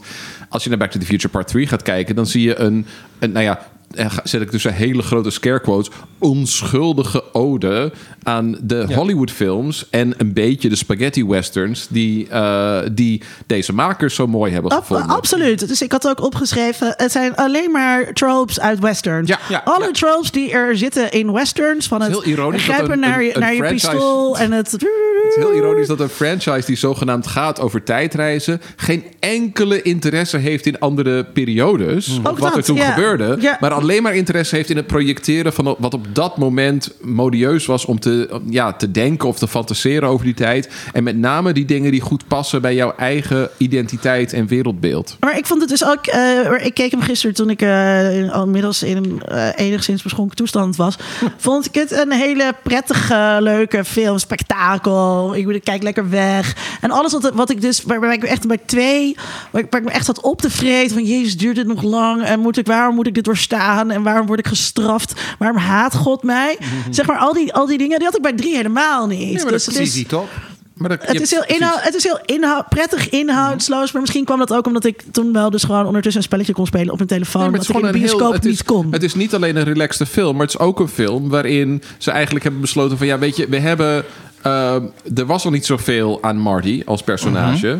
Hij, hij was een heel, hij is gewoon een lege huls. Hè? Hij is, hij is een lege huls. ik heb ook in het witte- staan wie is de persoon Marty McFly. Nee, Marty, Marty McFly is niemand. Marty McFly is iets voor witte mannen om hun identiteit op te projecteren. Ja. Dus als, eh, het, en eh, dat werkte perfect voor mij als elfjarig toen die film verscheen. En ik ging er naartoe. Ik, ik keek niet alleen naar hem, ik was hem. En ik Ja. wilde zijn skateboard en ik Je was wilde ook zijn klein, net als bodywarmer. hij. Ik was ook een beetje knurftig en ik voelde me ook onerkend. Zoals elke witte jongen van elf jaar zichzelf Oh, echt? Is dat een ding onder witte voelt. Van Alle- elf? ja, die voelen ze, die denken namelijk. Dit is de ellende van toxic masculinity. Dat je in alle spelletjes en films denk je van ja, er komt jou van alles toe. Alleen in jouw leven merk je dat Gebeurt niet dat zo. niet? En je denkt Nee. van ja, maar ik word, er wordt gewoon op mij gezeikt. En ik moet de vuilnis wegzetten. En ik moet allerlei dingen doen die ik allemaal niet wil doen. Nogmaals, luisteraar, nou? luister onze aflevering over He-Man. Waarin ze dus hadden bedacht dat het speelgoed was... eh, nee mama, I've got the power. Nee, maar het mooie van, nou ja, met name in het van He-Man is het, is het wel goed. Dat zal ik nog een boek noemen. Dat heet Toxic Geek Masculinity in Media. En dat is een hartstikke leuk boek over de manier waarop ehm, in de jaren 80 en 90 er een dominant idee was over mannelijkheid. Oh, nog veel langer trouwens. Als iets wat gewoon hard en sterk en groot en gespierd was. Maar dat dat in de loop van die decennia is overgenomen door wat zij toxic geek masculinity noemen. En dat is wat Marty McFly is. Dat is namelijk niet Biff. Dat is juist afzetten tegen de jocks. Het is eigenlijk wat je ziet iets als... Oh, hier, je bedoel, je, bedoel- ja, bedoel je nou te zeggen dat hier de wortels zijn gelegd voor de internetbeweging known als the alt-right? Ja, ja, ja, ja, die zie je daar wel degelijk in terug. Dat, eh, en ik denk dat Revenge of the Nerds is daarin een veel nou ja, grotere film dan Back to the Future. Maar je ziet datzelfde fenomeen. Iemand die zich aan de ene kant afzet tegen ouderwetse ideeën over mannelijkheid. Namelijk, je bent alleen maar groot en grof en gespierd. Zoals Biff. Die is te groot en te grof en te gespierd. En eigenlijk daarom niet aantrekkelijk. Je moet slim zijn en handig met technologie. Dat zijn belangrijke karakteristieken. Je moet enigszins gevoelig zijn voor nou ja, vrouwelijkheid en voor zachtheid en dat soort dingen. Maar bovenal moet je wel wit, mannelijk en heteroseksueel zijn. En dat is de Steve Jobs generatie geworden. En dat is wat Marty McFly dus ook uitdraagt. Maar Ik heb overigens bezwaar tegen de term eh, toxic masculinity. Ik zal even in de show notes een column van mezelf linken waarin ik dat allemaal uitleg. maar, maar eigenlijk is dat raar, want het, het- de, de hoofdpersoon, of de, de gebeurt een, de, er is een omkering in deel 3 tussen Marty en Doc. ja. Doc is de hoofdpersoon. Ja. Doc is de romantic Maar dat is, dat, is, dat is wat deel 3 dus ook zo aantrekkelijk... eigenlijk zo'n veel- een, een opluchting maakt na die... Nou ja, het een non-boring opinion dit. Deel 2. en dat, dat deel 3 voelt als, als een... Het is echt niet zo vernieuwend of leuk... of het zit ook niet zo strak in elkaar als eh, Back to the Future. Maar het is... Het is Punt 1, en dat vind ik al, dit is altijd een uitzondering, maar altijd leuk. Als je een liefdesverhaal van over twee mensen van middelbare leeftijd kunt gaan doen. Dus Ja, dat is ook waar. Dat maakt het heel sympathiek. Dat, Ja. is, dat, dat zie je nooit in Hollywood-films en dat zie je hier wel. En dat, dan lijkt het ook echt oprecht, en dat, daar ben ik dan heel gevoelig voor als sentimentele persoon, eh, over de liefde te gaan en niet de zozeer chemie over... tussen die twee is ook heel En Mary. Steenburgen Ja, is ja, dat is helemaal actrice. waar. En, nou ja, en, en ineens mag eh, Christopher Lloyd niet alleen maar en heel hard Great Scott roepen, maar hij mag ook, mag ook een gevoelige kant laten zien. Sterker nog, eh, hij zegt op een gegeven moment heavy en Marty zegt Great Scott. Ja, nou, ja, dat Oh, wordt op ja. allerlei grappige manieren meegespeeld. Althans, als je dat grappig vindt. Maar dat wil ik best, best in meegaan. Maar Martin wordt een supporting Ja. character gemaakt. Hij is erbij en hij helpt de boel een beetje vlot te trekken. Maar het gaat niet meer wezenlijk om hem. Hij wil Doc helpen om iets te bereiken. En dat lukt. En ik vind het altijd... Ja, voor mij is de trein aan het eind altijd ergens een vorm van catharsis. Gek genoeg. Het idee dat de, de basis voor dit alles... Maar dat is dus ook de basis voor het idee dat ons idee over ehm, eh, de toekomst... en over futurisme en technologie ook heel erg verbonden is aan witte mannelijkheid. Want dat is het helaas wel gebleven. Dat de roots daarvan dus ook liggen in de 19e eeuw. En de ontwikkeling van de stoommachine, de trein, de telegraaf. Hè, daar is het Ik eigenlijk... moet heel erg denken aan... ehm, hoe heet die film nou met Will Smith? Waarin Wild ze- Wild West? Ja, Ja. Wild Wild West. Ja, Dat is ongeveer de Dus, eh, slechtste film ooit gemaakt. Nee, maar daar zit dus ook een soort eh, eh, ja, fut- Ja, futurisme klopt, en, eh, ja. en het Wilde Westen in. Wil je nog Maar iets anders zeggen over deel 3? Ja, nou ja, dat, dat, wat, dat laatste wat, eh, waar we het over hadden. ehm, is deel 3 dan een soort van eerste stapje van deze filmmakers op, op een hele lange weg naar het zich toch realiseren dat die toxic geek masculinity niet helemaal eh, het fantastische is wat het in de eerste film nog, nog was. Door dus Doc Brown als hoofdpersoon te kiezen. Door eigenlijk Marty een, een side character te maken. Door een vrouw een belangrijkere rol te geven dan in alle eh, eerdere eh, scènes die we daarvoor hebben gezien. Ja, Ik weet niet, Sydney. Hoe heb jij hier betekenis aan gegeven?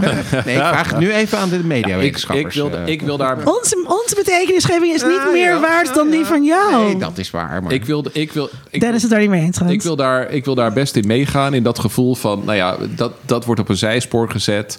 Het idee van, hè, dit zijn ook inmiddels filmmakers die eh, nou ja, genoeg trofeeën eigenlijk hebben binnengehaald. dat ze niet zoveel meer te bewijzen hebben. Als je ook kijkt naar de carrière van Robert Zemeckis daarna. dan zie je ook, ja, de dingen die hij doet. die doet hij eigenlijk omdat hij zin heeft om iets te ontwikkelen of te ontdekken. En niet per se omdat hij nou een grote commerciële film wil maken. Want het zijn eigenlijk hele bizarre films die hij daarna nog heeft, eh, heeft eh, geregisseerd. Zeker niet om hun commerciële appeal. Ehm, ik denk wel, en ja, en dan, ik kan het niet laten om dan toch een beetje de, de eeuwige zeiker te blijven. Is het idee dat, dat als, je, als je kijkt naar onze filmcultuur en met name de science fiction cultuur, dat de, de, ja, de, de witheid daarvan. En dan met name als, je, als je films gaat maken die zich afspelen in, een, nou ja, in het nog ontwikkelende koloniale Amerika. Ehm, dat daar dus opnieuw, ja, dat, dat, dat ook in 1990 daar nog geen enkel idee was van ja, maar dit is een, dit is niet, dit is een gedeelde wereld en het is ook nog een genocidale wereld waar we in zitten. Ehm, en dat je dat dan de basis maakt voor een verhaal wat uiteindelijk zo, nou ja, rustgevend en ontspannend en, en, en exciting. En de, de climax is een vliegende trein. En, en aan het eind ben je woehoe en ze zijn weer terug. En dan denk ik, ja, ja moet je dat het allemaal was ook nog even spannend, hè? Zouden ze het Ja, halen? gaan ze, het, gaan ze het halen net op tijd? Het is allemaal heel, en het is allemaal heel vernuftig opgebouwd. Mhm. En, eh, en die trein vinden we allemaal prachtig, echt waar. Maar ja, ik, ik, vind dat, ehm, eh, ik vind dat moeilijk. Weet je, Ja. dat, dat zijn dingen waarvan ik echt denk. En ik ben echt niet van. Hè, dit, dit moet nu op een soort zwarte lijst. En ik ben ook niet van. Ik moet ehm, de, de films die wij leuk vinden, die moeten we ook politiek op alle fronten dus eh, goed kunnen Mhm. keuren. Want dan, dan, dan haal je maar een hele korte lijst van leuke films over. Ehm, maar En het, ja, kan niet, het kan ook niet. Wat- Wat, wij politiek goed vinden is zo ontzettend veranderlijk. Dat ook. Maar en Ja, ook wat we en- esthetiek goed. Weet je wel, alles, alles is Ja. veranderlijk wat dat En- En, er betreft. zijn, en dan kom ik weer een beetje terug wat ik net zei. Er zijn natuurlijk ook films die actief eh, een, een, eh, bezig zijn om een, om, een, om een racistische of weet ik veel wat agenda eh, eh, neer te zetten. Eh, of, of die actief bezig zijn om, om, om seksistisch te zijn. Waarvan je, vind ik, best wel kunt zeggen van... nou ja, dat is eigenlijk niet een film die ik nog zou willen kijken. Ja, maar en ik- er zijn films waarbij het erin zit. eh, en waarbij het Heb je dan een voorbeeld van een film die actief racistisch is? eh, nou, bijvoorbeeld actief homofoob zou je kunnen zeggen als je het hebt over cruising of, of iets, iets, iets, iets in die aard hè, van Friedman. je bedoelt spetters. Eh, nou ja, of spetters is is een Nederlands voorbeeld van. Maar, hè, Ja, dus, maar- dus, maar- dus ik vind dat, dat vind ik in, in die zin wel een klein beetje verschil. Er zijn best films die. Ik vind het helemaal niet zo erg dat sommige films een beetje gecanceld zijn inmiddels. Maar zoiets als Back to the Future, daar heb ik dan toch meer sympathie voor. Ondanks dat je de het problematische eraan gewoon kunt zien. En het goed is om daarover te spreken. eh, eh, vind ik het nog steeds een film waar je gewoon met plezier naar kunt kijken. Ja, nou ja, oké. maar nou ja, maar sorry, ja, dat aan het begin van de uitzending zou ik nog meteen zeggen van ja, ik ook. Maar ik wil daar, ja, ik, ik zit nu ook te denken aan andere films, ook uit die periode, waarvan ik denk van ja, maar je kan het dus ook echt anders doen. Ja, en wat dat betreft, en dan denk ik van, als ik bijvoorbeeld denk aan een film als Predator, ja, dan denk je heel snel van, ah, dat is een stomme Arnold Schwarzenegger actiefilm. Dan denk ik van ja, maar die film die is zo, die heeft zoveel genuanceerde lagen die te maken hebben met wat er gebeurt op het moment dat je een witte Amerikaanse commando-eenheid naar een, eh, een, een land in Zuid-Amerika stuurt om daar van alles uit te gaan halen. En dat is niet, het is niet heel vanzelfsprekend. Het is niet zwart-wit, weet je. Maar het, mom- het, het idee dat je, oh, wanneer je dat doet, dat je uitgaat van een soort van vanzelfsprekende macht die jij hebt, die in die film langzaam maar zeker onderuit wordt gehaald. En dat aan het eind Schwarzenegger en die Predator op één niveau eigenlijk met elkaar moeten zien, eh, ja, te, te, te, te- te vechten. Ehm, uh, en dat het resultaat is dat zijn hele commando-eenheid eigenlijk wordt uitgevaagd door de, de guerrilla-strijder die daar met dreadlocks, weet je wel, in de, in de jungle terechtkomt. Daar, daar zie ik veel meer handvatten om te zeggen van ja, maar daar gebeurt echt iets wat, wat niet alleen maar een soort van, nou ja, hele saaie, dominante ideologie bevestigt. Maar er zit ook van alles in wat dat eigenlijk prikkelt om daar eens kritisch over na te denken. En dat vind ik dus echt, dan denk ik van ja, op één niveau vind ik Back to the Future is, is een soort heel gelikte, ontzettend aansprekende film. Maar net als iets als Lord of the Rings spreekt hij eigenlijk onze slechte instincten het sterkst aan. Ja, nou, we hoeven niet een hele... De, hopelijk... ja. Maar eh, eh, ons... Over ons- ondraaglijke witheid van ons- het bestaan ons, ons instinct van de beste mensen zijn de witste mensen. De erge mensen komen uit het zuiden en uit het oosten. Die zijn eigenlijk niet 100% menselijk. Want hallo, mogen we een het nog even hebben over de Libiërs? de Libiërs? Nou, ja, ja. die dat is ook gaan heel en, problematisch. en, daar ga, en, en daar denk ik dus dat onze neiging om ons vast te klampen aan ons eigen plezier aan die dingen te, eh, te sterk is. Mhm. Terwijl dat plezier voortkomt uit een gevoel van identiteit, wat wezenlijk is gebaseerd op een gevoel van superioriteit. Ik vind dus En dat je geen, ik vind dus dat je geen enkele eh, film moet cancelen in tegenstelling Nee, tot nee, nee, standbeelden. Ik ook niet. Ehm, juist omdat je, ehm, wat, wat, wat jij ook eh, zegt dat je doet, Dan, dat je dit soort dingen allemaal heel goed kunt laten zien aan de hand van, Ja, van Back to the Future. kijken. En dat je juist, zeg maar, eh, ik had dus, ik had iets gezegd over Johan Derksen en, en, en macht. En toen gingen allemaal mensen zeggen, Johan Derksen is helemaal niet machtig. En toen dacht ik ook echt, maar toen vroeg ik mezelf echt zo af, maar wat voor, men, wat, wat voor In wat voor concept van macht hebben die mensen dan? Ja. Ja. Hebben die, denken die dan alleen maar, weet je, dat alleen maar mensen in Den Haag machtig zijn of zo? Poetin, Poetin, Poetin. En, heeft dat, en dus dat, dat je dus juist George allemaal dit soort processen eh, kunt illustreren Mhm. eh, aan de hand van dit soort films. En dat je daar met mensen naar kunt kijken en dan dit soort gesprekken af kunt volgen zoals wij nu doen. Moeten we Ehm, het nog hebben over die, eh, dat creepy jongetje eh, in die trein eh, en zijn piemel? Of, eh? Oh ja, waar jij het over hebben? Nee, nee, daar wou ik het niet over hebben. Maar je hebt het nu toch gezegd. Piemels gaan hebben? Nou ja, over creepy shit gesproken. We, we kunnen, we zitten eigenlijk al een beetje aan, eh, aan, eh, aan de max. Maar eh, we, ja, er zijn toch nog wel dingen die we echt wel moeten bespreken. Over creepy dingen gesproken. Ehm eh, Oedipus. Oedipus, ja. Oedipus. Eh, ja. Wat, wil- wat wil je erover bespreken?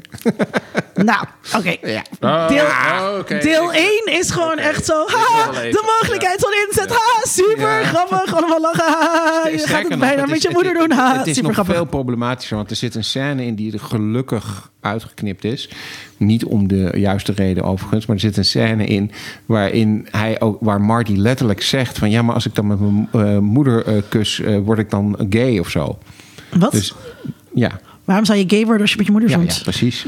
Nee, ja, de, de, ehm, het, het, het, volgens mij is het grappige van Back to the Future... als je het bekijkt vanuit een soort Freudiaans Oedipus-perspectief... Ehm, hè, we, we, ke- we kennen hopelijk allemaal het verhaal van Oedipus. Die werd verteld van, nou ja, jij gaat eh, trouwen met je moeder... en je zal je vader vermoorden. En eh, zijn ouders die zeiden van, nou dat willen we niet... dus we geven je op voor adoptie. En hij groeide op in een ander gezin. Kwam later zijn toch? ouders tegen. Spoiler, en gebeurde juist. Eh, en toen stak hij zijn ogen uit. Nou ja, even heel kort. Ehm, in Back to the Future zien we dus dat hij ehm, nou ja, eigenlijk een omgekeerde Oedipus-situatie tegenkomt. Waarin hij weet dat het zijn moeder is, maar zij niet weet dat hij zijn zoon is. En zij zich onvoorstelbaar seksueel aangetrokken voelt tot hem. En hij daardoor. De hoer. De hoer. En hij daardoor een positie van macht in kan nemen door te zeggen: ik sta boven het Oedipus-complex. En, en dit is een manier waarop je dus eigenlijk het, de kracht van Hamlet en Freud en het Oedipus-complex. Oh, is het eigenlijk Hamlet? Is het eigenlijk Hamlet? Het is Hamlet. Yes, maar het is, mijn voorspelling van het begin van de het aflevering. van- het is een soort van overstijgende zelfreflectieve Hamlet. Want je kan zeggen, het is, het is wat wij wetenschappers noemen... having your cake and eating it too. Too. Het betekent dat je kan zeggen... ja, Lorraine, Mc- Lorraine Baines is een ontzettend lekker wijf. En natuurlijk vind ik haar ook super aantrekkelijk. Maar ik mag het niet met haar doen, want ik ben eigenlijk haar zoon. En dat je dan dus een, een plot opbouwt rondom het concept... dat jij je moeder gaat verkrachten... Ja. Of die je gaat doen alsof je je moeder Ja, gaat ja. verkrachten. En dat je echte vader dan tussen beiden moet komen. En dat je dat gelukkig uiteindelijk niet hoeft te doen. Mhm. Nou ja, ik denk dat als je, als je Back to the Future aan Freud, aan Sigmund Freud zou laten zien... dat hij er nog een puntje aan zou kunnen zuigen. Oh, Want die zou een eh, puntje zijn- aan zijn eigen penis wat- zuigen. wat- Zo lekker is dit. wat het mooie, maar het mooie van Freud is dus ook dat terwijl je zou zeggen dat ja, maar Back to the Future is het omgekeerde van het Oedipus-complex, zou hij zeggen ja, ja, ja, dat klopt inderdaad. maar, maar in het Oedipus-complex Nog een lijntje alles erin. in het droomwereld is alles omgekeerd, ja. Ja. En dan zou hij dus zeggen van ja, maar Marty McFly droomt er dus niet van om het met zijn moeder te doen. Hij droomt er daar wel van, maar omdat het zijn fantasie is die wij zien, is hij degene die zegt: dit klopt niet en dit wil ik niet. Hij dus wij kunnen om die reden is, is het precies de meest effectieve Freudiaanse Oedipalus eh, fantasie. Mhm. Want wij mogen degene zijn die zeggen: Ik wil het met mijn moeder doen, maar ik Maar kies er uiteindelijk voor om dat niet te doen. is overigens de reden waarom Disney deze film niet wilde produceren. De, de Vanwege die hele Ja, incest shit? Ja, ja, ja. ja. Ja, ze hebben hem geprobeerd te verkopen. Ze hebben hem overal geprobeerd te verkopen, maar niemand wilde hem hebben. De meesten wilden hem heb- niet hebben omdat het niet porky genoeg was. Hè, want dat was Ja. wat er toen verkocht. En Disney wilde hem niet hebben omdat er incest in zit. Nou ja, zij kunnen op Disney Plus Channel met Digital Fur kunnen ze digital Ja, ja, fur technology ja, precies, gebruiken ja. om die scène toch eh, acceptabel te maken. Ja. Ik, ja, dus ook, ook ehm, ehm, eh, ik, ik, had een, ik was een artikel hierover gaan lezen. Eh, over dat hele Oedipus. En eh, ik vond het dus wel grappig ook dat eh Oedipus vermoordt zijn vader. Terwijl Marty hem dus juist redt. Het is inderdaad heel tegenovergesteld. Maar, Maar, dat is precies hoe je de logica, dro- dus echt Freud's droomlogica is: alles wat jij denkt dat je wilt, dat keer je dus om in je droom. Dus je moet eigenlijk alles omkeren om het. Dus hij wil inderdaad zijn vader vermoorden en hij wil het met zijn vader, met zijn maar hij, had ook, hij had ook zijn vader, die, ja. die, wat, die loser is, Ja. onuitstaanbaar. Ja, ja, ja, zoals hij naar George zit te kijken als hij aan die balie zit. Echt Ja. met, met echt afgrijzen van wat ben jij een nerd? Kom eens wat voor ben jij een op, ja. loser? Hij vindt zijn vader pas acceptabel op het moment dat zijn vader het evenbeeld wordt van hemzelf. Dus Ja. als hij zijn vader leert om te zijn zoals hij, dan Geen is chicken? George, ja, precies. Dan is George oké. Ja, en dan zijn we weer terug ook bij het, bij het idee. Want dat is wat Bob Gale eh, als idee had hè, van deze film. Van als ik nou op de middelbare school mijn vader zou ontmoeten... zouden wij dan bevriend zijn of zouden we elkaar Ja. haten? Ja, maar er zit, nog, er zit nog iets anders. Dat wil ik ook nog wel noemen. Een andere bron voor de, eh, deze hele fantasie... die we volgens mij nog helemaal niet hebben benoemd... en die wel voor geeky dingen ontzettend leuk is... om even naar voren te halen. Die, ehm, de schrijvers van Back to the Future, Zemeckis en Gale... die waren ook gigantische fans van The Twilight Zone. Ja, en zeker. in wezen is de Back to the Future ja, ook een een soort van Zone. uitgebreide aflevering van de Twilight Zone. Alleen met dat verschil dat in de Twilight Zone dit soort verhalen altijd afliepen met een wrange twist. Ja, ja, ja. Dus als je door de tijd heen reisde, ook met de beste bedoelingen, dan ging het allemaal goed tot op het allerlaatste dan bleek dat je toch voorgoed had verknald. En ik denk dat daar ook opnieuw een soort van, nou ja, ideologie van de jaren tachtig, van het idee van ja, maar uiteindelijk moet het toch, moet je toch met een lekker gevoel die bioscoop uitgaan. En met name als je dus een jongetje bent en je herkent jezelf in Marty McFly, dan moet jouw triomftocht, die moet volkomen zijn, ja, die moet volledig Ja. worden gemaakt. Dat die de overhand neemt boven die toch paranoïde fantasieën van de Twilight Zone. Van ja, net als je denkt dat het goed gaat, dan blijkt er toch twist, nog een soort ja, ja. sting in de teel te zitten, waardoor je uiteindelijk de, de lul bent. En daar zie je dus opnieuw dat de jaren 50 toch niet opnieuw tot leven worden gebracht in Back to the Future, maar juist een ja, hele specifieke Reagan-achtige jaren 80 draai hebben gekregen. Een fantasie met een P en een H in plaats van een F. Yes. Zoals Freud dat opschrijft. Ehm, in het artikel dat ik aan het lezen was, eh, zei ook dat ehm, eh, eh, die, die auteur vond dus dat eh, eh, het Oedipus-complex sowieso bij tijdreizen hoort. Omdat tijdreizen dus gewoon onnatuurlijk is. Dat moet je niet willen. Inmenging met je voorvaderen. De grandfather father, eh, paradox, hè? De grandfather paradox. Ja. Dat, is- dat, is dat, dat, nou ja, dat is een van de grote eh, paradoxen van, van tijdreizen. Daarom is het op zich dat die blackboard in, in die eh, film zit dan wel weer goed. Omdat je daardoor uitgelegd krijgt wat dit concept van tijdreizen is. Maar de grandfather pa- paradox is, jij reist terug in de tijd. Je vermoordt je grootvader. Dan kan je dus nooit geboren worden om terug in de tijd te reizen. Dus hoe kan je dan je grootvader vermoord hebben? Ehm, nou, de, de- in Back to the Future lossen ze dat op door een manier van tijdreizen eigenlijk te introduceren die voor zover je wetenschappelijk iets over tijdreizen zou kunnen zeggen, waarschijnlijk de meest wetenschappelijke manier is. Namelijk, je reist niet daadwerkelijk terug in je eigen tijd, maar je reist in een parallelle wereld. Altijd fijn. Ja. Love parallele, parallele werelden. Ja, en vandaar dat Doc die, die afsplitsing ook tekent. Want, want hij zit, je zit dus niet meer in die tijdlijn, niet meer in die Ja, hij legt dat, hij legt dat uitstekend uit. Ja. Net als dat alles heel goed uitgelegd wordt. Eh, dat, maakt, dat maakt een goed... Tot grote ergernis van Oh mevrouw Duits. Ja. Nou, nou, Oh, nou. oh. Als Tom hier was, dan zou hij me bijvallen. Ik val je bij, val je dat, bij. eh, ehm, eh, nog even over, over de culturele invloed wat hier aan gerelateerd is. Maar wat een mooi bruggetje. Je had een tijdje de meme Gullible George McFly. Ehm, Oké, je eh, bent met je high school sweetheart.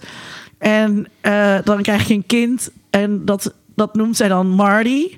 Naar, naar, Naar die een gast op de middelbare school waar ze de hats voor had. En dan blijkt dus dat kind precies te lijken op die gast op de middelbare school waar jij de hats voor had. En dat is de gullible George McFly. Dat dat niet opge, opgemerkt wordt.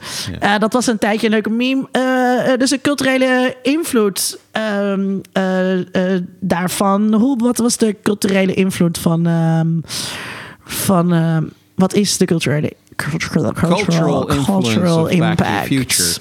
Uh, nou, ik denk dat je de culturele invloed van Back to the Future niet kunt onderschatten. Uh, er is echt, um, ja, wat Dan uh, net al zei. Intens, ja. Ja, als je nu nog uh, tegen 18-jarige uh, studenten de naam Back to the Future kunt zeggen en iedereen weet waar je het over hebt, of ze de film al gezien hebben of niet. Maar het is zo'n enorm onderdeel van het cultureel kapitaal. Als je nu, ik heb dat uiteraard. Cultureel erfgoed bedoel je? Ja, sorry, cultureel erfgoed. Uh, als je nu gaat um, uh, kijken op Twitter, op welke social media dan ook, je, je, je komt gegarandeerd iedere dag meerdere tweets over Back to the Future. Eindeloos ook, hoe dan de hele tijd werd eh gefaked. Dit is het jaar uit Back to the Ja, Future. ja. Totdat het eindelijk, godverdomme, 2015 was. Het jaar. Ja, nou, er zijn dus mensen echt naar die, die eh, Twin Pine of Lone Pine eh, Mall eh, gegaan. Hè, op, die, op die 15 oktober eh, 19, 2015. wat? om te kijken of, eh, of eh, Einstein en Doc eh, terugkwamen. nee, maar, maar, maar het is inderdaad... Ja, ik denk, de- de- je kunt dat niet overschatten. Het, het, de culturele impact van Back to the Future. Ik bedoel... Net zoals Star Wars. He-Man. Extremer, maar Back to the Future zit daar, zit daar wel in de buurt. Ik vind het dus ook heel leuk wel hoe het dus zo vermeemd eh, is. Ja, ook gerelateerd trouwens aan, de, aan die Gullible George McFly. Ehm, eh, dit komt van Cracked, wat ik ook even in de show notes eh, zal zetten. Eh, waar Dan me ooit op heeft gewezen. Biff probeerde dus Lorraine te verkrachten. Zeker. Dan ga je die gast toch niet als huisslaaf nemen? Ja, nee. Dus, maar, maar Dat daar, is echt raar. Maar daar zie je dus ook weer een soort van... Dus een, een logica die geen menselijke logica is... maar die een logica is van een ehm, verbeten... niet erkende witte mannelijkheid. Dus de- die gaat dan niet over menselijkheid... maar die gaat over dominantie. En dat is ook, dus ook echt het... het eh, ja, vind ik, vind ik echt de zichtbare schaduwkant van de manier waarop een soort van, nou ja, eh, plezierige mannelijkheid in Back to the Future lijkt te zitten. Dat het uiteindelijk echt gaat om. Het is niet genoeg om iemand eh, te verslaan. Je moet ze ook de rest van hun leven vervolgens eigenlijk Vernederen. vernederen. En eh, in de buurt houden om vooral jouw dominantie te laten gelden. En, en dat is een heel. Dat is helemaal geen. Dat is helemaal geen christelijke boodschap. Nee, dat is ook ja. helemaal geen humanistische of menselijke boodschap. Het, is ook, een het gaat ook helemaal niet uit van het idee dat mensen kunnen groeien of kunnen ontwikkelen. Het gaat, het gaat uit. En dat, dat vind ik ook. Pardon, maar dat, dat vind ik een van de meest ergelijke dingen aan eh, de manier waarop die paar acteurs met toch redelijk beperkte. Ik bedoel, ik hou heel erg van Michael J. Fox en Leah Thompson. Al die lui zijn ontzettend. Crispin Glover. Crispin Glover is, is natuurlijk een genie, maar, Maar die is maar in één van die eerste, films. Ehm, maar die andere drie acteurs die moeten de hele tijd opdraven in allerlei verschillende rollen. Terwijl zij heel beperkte vermogens hebben. Maar het, de, de armoede die daaruit spreekt is niet zozeer echt alleen maar die van hun acteertalenten. Maar die is met name een van de verbeelding. Dus het idee dat, dat wij van generatie op generatie niet wezenlijk veranderen. Ja. Integendeel, wij blijven letterlijk precies hetzelfde. Alleen soms hebben we een beetje een Iers accent. En soms hebben we, wat, we dat wat minder. Ehm, maar daar blijft het ongeveer bij. En dat, dat geeft dus ook... En ik denk dat dat heel veel van de eh, nou ja, valse geruststelling is... die Back to the Future ons biedt. Dus de valse geruststelling van popcultuur. Het is een conservatief idee van dingen waren eigenlijk altijd al beter. Ze zijn langzamerhand iets minder geworden. Maar als we ons vastklampen aan onze oude identiteit... dan weten we in ieder geval waar we aan toe zijn. En dat is een conservatieve inslag... die wezenlijk uit de volledige logica van al deze Terwijl er, eruit... terwijl er tegelijkertijd dus wel in zit. ehm, had mijn vader Biff eh, hier eh, eh, een klap gegeven, dan was zijn hele leven anders geweest. Mhm. Als ik nu tegen deze zwarte bedieningspersoon zeg: je kunt ook burgemeester worden, dan veroorzaak ik daarmee de civil rights movement. Ja, maar tegelijkertijd, dat, dat wat Dan net, net, net zei, dat, dat is denk ik wel een, een, een concept wat, wat eh, gewoon in die hele franchise wordt doorgevoerd. Dat zie je, dan hebben we toch nog een bruggetje naar eh, de animated series. Eh, iedere aflevering van de animated series, eh, je moet je voorstellen, dit, de animated series is een soort vervolg op deel 3. Dus Clara en Doc hebben twee kinderen, Jules en Vern. En, en Marty komt ook af en toe nog langs. En dan gaan ze of met de DeLorean of met de trein gaan ze terug in de tijd. En in, het is ook een, een running gag in die, in die serie. Maar in iedere tijdlijn is er een Biff Tannen. Dus, dus iedere tijdlijn is eigenlijk precies hetzelfde weer als, alle, als in die films. Ehm, er is altijd een slechterik en dat is altijd Biff Tannen. En er is nooit een, een, een, een andere positie die hij kan innemen.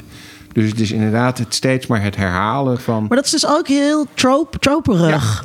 Ja. Dat, en, dat, en dat is natuurlijk ook. ehm, eh, at- op, op een Amerikaanse high school heb je altijd een bully. En je hebt is- altijd. maar een, is- maar alleen maar. Dat heb je natuurlijk niet op echte Amerikaanse high schools. Dat heb je in films over Amerikaanse high schools. En dat is, misschien, dat is misschien wel waar we een beetje op uitkomen, zeg maar. Ehm, dat het een. eh, Het, het, is, het is vooral. eh, de hele franchise is vooral een viering van eh, Amerikaanse popcultuur die er al lag. Eh, en herhaling van de tropes die we daaruit kennen. Een bestendiging ook heel erg eh, daarvan. Zodat de nieuwe generatie die dingen ook weer heeft meegekregen. Ja. Je wou nog wat zeggen, Sydney, over Rick and Morty. Oh, Rick and Morty. Een parodie Ehm, op Back to the Future. Ja, Rick and Morty. Ja, en het is wel goed om die even te noemen nog. Ehm, Rick en Morty zijn natuurlijk Doc en Marty. Eh, zo zijn ze ook oorspronkelijk Nee. eh, bedacht. Holy shit. Holy shit. Oh, ik Dit was het weetje waar de luisteraar op zat te wachten. Ja, nee, dat, eh, dat is heel duidelijk. Sterker nog, de eerste, de eerste, de eerste geanimeerde Ik ga even wijn halen, want ik kijk geen Rick and Eh, Morty. Dat- Die heten ook gewoon The Adventures of Doc and Marty. En dat is, eh, dat is, dat, daar, daar zien ze er ook precies hetzelfde uit als in de film. En eh, daar is de trope dat eh, Marty eigenlijk alleen maar de vreselijke dingen die er fout gaan in de tijdlijn eh, kan herstellen als hij de ballen van Doc eh, eh, zuigt. Ja, dat ja. is eh, typische humor van die Ja. later in Rick and Morty natuurlijk uitgewerkt wordt. Ik vind dat incest grappig is toch leukere humor. Ja, en Of genocide is soms grappig. Christopher... afhankelijk ja, Dik zit, zit die zweet. Christopher Lloyd. eh, nou ja, Death Star propaganda, zeg ik alleen maar. Ehm, de, eh, Christopher Lloyd, die heeft eh, vorig jaar nog in België, daar was ik bij. ehm, want kijk, een van de vragen die altijd uiteraard gesteld wordt aan eh, Bob Z, aan Bob Gale, aan Christopher Lloyd en aan Michael J. Fox, zover die interviews geeft, doet hij nog best regelmatig, is: komt er een Back to the Future 4? Nee, ja, die komt er dus niet. Dat hebben ze eigenlijk altijd gezegd, dat gaan we niet doen. Er En- had geen 2 en 3 moeten zijn, dus 4 Nee, en, en, en zeker ook vanwege de, de, Park- de Parkinson, Parkinson van, van, eh, Michael, van J. Fox. J. Hebben ze gezegd, ja, dat, dat kan ook niet. En een film zonder Michael J. Fox willen we niet. Eh, en wat, die vraag werd dus ook vorig jaar in België, eh, of nee, in Duitsland, sorry, aan, aan eh, Christopher Lloyd gesteld op een Comic Con. En nou ja, uiteraard zegt hij ook nee, die komt er niet. Maar wat hij nog wel leuk zou vinden, is om een soort crossover aflevering met Rick en Morty te maken. Oh, En lieve hemel. dat zou Spaar me. Best nog wel eens grappig kunnen zijn. Oh nee. nou ja, en, en, nou ja dat, ik, wat, wat ik daar nog over. Sorry, ik kan niet later. Maar wat ik Mhm. daar wel nog over dan zou zeggen. Is de. ehm, het ene wat, wat, wat Rick en Morty. Denk ik. Nou ja, een soort. Toch wel fascinerend mediaverschijnsel maakt. Is de oorlog die daar bestaat tussen Mhm. de, ehm, de makers daarvan. Mhm. Die. ehm, nou ja, in ieder geval in de loop der tijd goede bedoelingen hebben ontwikkeld. Ja. Ehm, en de meest hardcore fans die reageren op de meest stuitende aspecten van, eh, van die tekst die er ook heel erg op zitten. het, het, het, het Matrix en het, eh, het Fight Club eh, idee. Ja, nou, ik, ik, zou dat, ik zou het onderscheid daar maken dat in de Matrix is een, is een allegorie die op meerdere manieren te interpreteren is. En die, ehm, eh, nou ja, die eh, een beetje ins blauwe hinein is geïnterpreteerd door, of als, als blanco metafoor is geïnterpreteerd door eh, Men's Rights Association mensen. Terwijl bij Rick and Morty, juist omdat die voortbouwt op een hele specifieke geschiedenis van witte mannelijke superioriteit, die wel die ontzettend sterk in, wat je er ook verder van vindt, maar die duidelijk in Back to the Future zit, die bouwt daarop voort. En ik denk dat wat het, het, het, het grappige van wat, wat eh, de, nou ja, de schrijvers van Rick and Morty hebben meegemaakt, is dat je dus dat het niet mogelijk is om in deze tijd van neofascisme en etnonationalisme een serie te maken die en voortborduurt op Back to the Future, zoals Rick and Morty doen, maar tegelijkertijd de eh, geschiedenis van witte superioriteit en mannelijke superioriteit los te laten. Ja. Want de, de dingen waar de hardcore fans het sterkst op reageren, zijn juist die. Ja, en ik vind zeker. dat heel. ehm, ik, ik, ik begrijp dus heel erg ook de frustratie van die makers. Die, die eh, zoals wij hier gezellig aan tafel zitten en zeggen aan de ene kant van ja, die eerste film is superleuk. En die andere, nou, daar kunnen we allemaal op allerlei verschillende slakken schout gaan leggen. Maar goed, we hebben ze allemaal wel 30 keer gezien, denk ik inmiddels. Weet je wel. We zijn allemaal opgegroeid met die films. Dus ze zitten... en Ze zijn onderdeel van wie wij zijn. Op het moment dat wij nu een Back to the Future podcast zouden gaan maken, bijvoorbeeld. Hmm. Of jullie, want ik maak geen podcast. ik de. Als jullie zeggen, we gaan een Back to the Future podcast maken. Zeg, Dan, oh please, mag ik de gast zijn? Dan, Please, please, dan kom ik please. elke week te gast. Maar dan merk je van na week 1, merk je van, holy shit. Er zitten allemaal, allemaal white supremacists die Ja. zitten elke week te reageren op, oh wat goed dat er eindelijk een Back to the Future Ja, podcast ja. is. En die zeggen, nee, maar dat zijn Dat de dingen die niet- wij niet leuk nee. vinden aan Back to the Future. Wij kijken heel kritisch, maar we vinden deze dingen wel leuk. Maar die dingen, daar zijn we heel kritisch op. Dan merk je dus dat het, het ja, eh, nou ja, la- laat ik daar maar wel naartoe gaan. Dat het, je kan dus ehm, het maken van een ode aan Back to the Future is toch ook een beetje net zoiets als een ode maken aan Gone with the Wind. Je kunt zeggen van Hmm. Hè, Gone with the Wind heeft allerlei dingen die die film eh, nou ja, een, een, een, een, eh, mooi, eh, aantrekkelijk, weet je wel, plezierig maken of zo. maar ook heel veel- Maar je moet jezelf ook de vraag stellen van wil ik, me daar, wil ik mezelf daar zo sterk Ja. mee associëren dat ik daar een hele fancultuur omheen opbouw die mensen dus aanspreekt op basis van hun affiniteit daarmee. Ja, nou ja, dan moet ik zeggen dat de makers van Rick and Morty dat... in precies wat jij zegt, die hebben die backlash zo duidelijk eh, gemerkt... dat ze daar inmiddels ook wel heel erg een fuck you van gemaakt hebben. Naar, Ja, maar, die fans. ja, maar dan, dan kom je dus, en dat, dat wil, uiteindelijk wil niemand dat. Ja. Dan kom je dus in een situatie waarin jij een, een cultuurproduct aan het maken bent, Mhm. een tv-serie aan het maken bent, waarin je de hele tijd tegen jouw meest toegewijde fans aan het zeggen bent: wij willen jou niet. En, eh, Hoe, en, en, ja. dan, en dan kun je, moet je dus vragen van ja, maar hoe ben ik dan in die situatie terechtgekomen? Wat is hier gebeurd waardoor dat zo... Ik, ik, hè, ik dacht, ik ga gewoon iets leuks maken met dingen die ik leuk vond... maar die ik op de juiste manier bekeek. En jullie bekijken die blijkbaar op een heel andere manier. Oké, weird duck. Ja, precies. precies. En, en dan denk ik van ja, maar had je dan niet in beginsel al moeten zeggen. Dat, denk, dat kun je Mark Harmon best, zou je dat best kunnen vragen. Had je niet in beginsel moeten zeggen, doe je er goed aan om een eerbetoon aan Back to the Future te maken. Ook al vind jij dat nog een superleuke film. Ik zou echt nog eens een keertje Rick and Morty moeten kijken. is zeer de moeite waard om, om te doen, omdat het gewoon ook, ook net als Back to the Future eh, heel erg. Ja, heel erg leeft in, in onze cultuur op dit moment. Eh, in ieder geval geeky cultuur. Ja, ja, ja, zoveel, zoveel heb ik Nou. eh, te doen. Ehm, eh, dat is een mooie brug. In a world. In a world. World. World. World. In a world. Want die arme Tom die ziek is, die moet het allemaal editen. En het wordt dat wordt later en later. Ik heb alweer een nieuwe fles wijn opengetrokken. beginnen.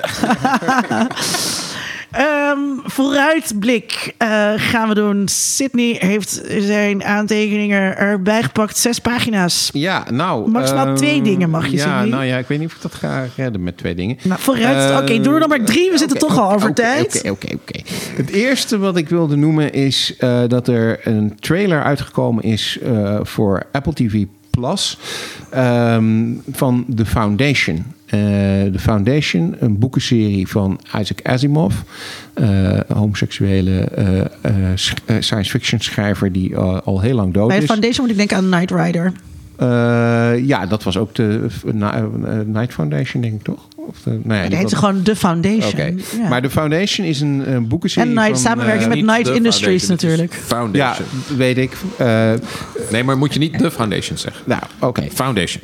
Foundation ehm, is een... Zijn geeky dingen of niet hoor? Ja, Sorry. zijn niet de kiki dingen.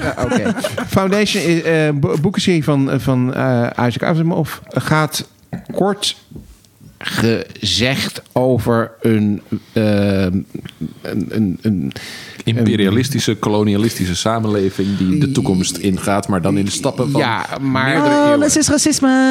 maar die, die, maar eh, waarvan een, een, een belangrijk onderdeel is dat de, de toekomst deels voorspeld kan worden door een nieuwe wetenschap eh, van psychohistorie. Eh, Psychohistorie. ja. Ja. en het Is het interessante van- neuro? Nee, het is niet neuro, het is alleen psycho. Oh. Eh, en eh, het interessante van de, van, de, van, van de serie is dat het al vanaf het moment dat dat geschreven is, eh, mensen ermee bezig zijn om dat te verfilmen. Dat het ook heel veel invloed heeft gehad op andere cult- popcultuur. Bijvoorbeeld op Star Wars, hè, Coruscant, de, de, de, de planeet die helemaal een stad is. Nou, dat komt letterlijk uit de eh, kernplaneet van, een, van het keizerrijk in Foundation. eh, serie. Ehm, en zo zitten er meer vandaan? dingen. Waar Wat komt hun eten vandaan? ja, nou, zo, zit- zo, zo, Soylent Green is people. Eh, zo zitten er meer eh, eh, dingen in. Ehm, maar eh, het, er wordt dus al heel lang aan gewerkt om daar een, een serie of een film of, of wat dan ook van te maken. En nu gaat die er komen in eh, 2021 op Apple TV+. What could possibly go wrong? Nou, precies. Ja, dat is dus een beetje de vraag. Heel groot en duur uit. in Ja, het, het, het zou zomaar heel goed kunnen zijn. Het is gewoon een hele goede boekenserie. Er zit een heel goed verhaal in. Het is ook al helemaal uitgeschreven. Dus je kunt in die zin als, als, als maker van de serie... eh, nou, je hoeft niks eh, Game of Thrones-achtigs te doen. want- alles staat al vast. Het Nou, al hey, maar ho, ho, ho. Maar weet je, Game of, het, het voordeel van hè, Game of Thrones, ook al was die boekenserie nog lang niet af en nog steeds Mhm. niet, is dat het, het grote voordeel wat ze hadden, was dat ze een verhaal hadden wat ging over mensen. En eh, Asimov, ik, ik heb als tiener ook de Foundation boeken allemaal gelezen, maar dat is een soort van absurde macro-historie, Ja. waarin één persoon meerdere millennia lang eigenlijk door middel van videoboodschappen stap voor stap Mhm. de maatschappij in goede banen leidt. Harry Seldon. En hoe je, ja, hoe je dat dus in ja, zou moeten dramatiseren tot iets wat ook een soort van, nou ja, Battlestar Galactica-achtige, weet je wel, Ja. tot de verbeelding sprekende persoonlijke geschiedenis is, vind ik nog een tweede. Dus ik, ik, ik, ik vind niet zo vanzelfsprekend dat dat een, een mooie serie moet worden. Eh, nou, in die zin dat het, het, het- nogmaals, het verhaal staat, staat als een huis. Ja, maar, nee, maar dat verhaal is gewoon. Dat verhaal is zo van. oh, In de loop van vijf millennia. Ja. is een samenleving van eh, stapsgewijs van het ene naar het andere gegaan. Maar dat is alsof je de transitie van aapmens tot. eh, zeg maar. letterlijk 2001 in 2001. dat je dat 15 keer herhaalt, zeg maar. Van, Ja, maar ik denk dat dat kan. Ehm, eh, je, je zag er een hele kleine aanzet van in eh For All Mankind op Apple eh, TV. Wat ook probeert meerdere generaties eh, te, te beslaan. Weliswaar in eerste instantie voorlopig met dezelfde acteurs die dan ouder maar dat worden. is, dat is het punt. Dat ja, is, maar ik, ik ben, daarom vind ik het dus een heel interessant project, omdat ik juist heel erg benieuwd ben. Laat ik zo zeggen, toen ik wat jonger was, had ik altijd de fantasie van wat zou het nou mooi zijn als ze een serie zouden maken over bijvoorbeeld het Romeinse Rijk. En dan over het hele Romeinse Rijk. En dus echt, zeg maar, vanaf nou, eh, eh, Romulus en Remus tot aan de val van het Romeinse Rijk. Eh, Je weet dat Romulus en Remus niet echt bestaan hebben. Nee, hè? precies. Maar hè, het gaat even om een serie, dus om fictie. Ehm, en toen dacht ik altijd van ja, dat gaan ze natuurlijk nooit doen. Want, want dan moet je inderdaad ieder, ieder seizoen, of misschien om zo, moet je allemaal nieuwe acteurs gaan casten. En dat, dat is helemaal niet het idee van een serie. Maar dat zou bij de Foundation, bij Foundation, sorry, zou dat ook kunnen gaan gebeuren. Ehm, en zouden ze dat dus werkelijk kunnen gaan doen? Dat je inderdaad eh, ieder seizoen een sprong in de tijd maakt en gewoon helemaal nieuwe acteurs krijgt en, en eh, het verhaal voortzet in de tijd. En dat lijkt me een heel interessant concept om dat, om dat een keer te gaan doen. Eh, of het gaat werken is inderdaad de vraag. Omdat ja, meestal werkt het zo dat we bepaalde acteurs nou juist heel leuk vinden en dan willen we dat ze terugkomen. Maar goed. Ik noem een Hayden Christensen. Be- nee, precies. Die gaat eh, vast een rol spelen in deze. ja. Je, had, wel- je, had, je wou nog, nog een ding zeggen. Ik wou nog een ding zeggen. Even kijken hoor. Ik, ik, eh, Umbrella Academy komt het nieuwe seizoen eh, binnenkort van op Netflix. Eerste seizoen vond ik heel erg leuk. Ehm, Wat was dat ook alweer? een, een groepje kinderen die allemaal op dezelfde dag eh, geboren zijn, die bij elkaar worden gebracht door een mysterieuze man. En die blijken dan superkrachten te hebben, eh, allemaal andere superkrachten. En in het eerste seizoen gaat het er eigenlijk om dat ze de aarde moeten redden. Eén van die eh, Oh, jongetjes kan ik denk echt zo, tijd oh, reizen. Dat heb ik gezien, maar ik bloot toch niet meer. Hoezo herinner ik me dit niet meer? Ik weet het, ik weet het alweer. Een Number soort van. X-Men. Nou, number 5 maar kan in, in het eh, ja. tijd reizen, dus dat sluit dan weer aan bij Back to the Future. Eh, dus ik ben benieuwd hoe ze dat in het tweede seizoen gaan doen. Of dat even leuk wordt als het eerste seizoen, of dat ze het gewoon verkloten, wat natuurlijk ook kan. Ehm, en en ik wil... Ja, kijk, ehm, Hamilton gaan we het maar niet over hebben. Komt op 3 juli op Disney+. Plus. Eh, en Unsolved Mysteries. Eh, als we dan toch eh, teruggaan eh, naar nostalgie. Unsolved Mysteries is zo'n serie uit de jaren 90...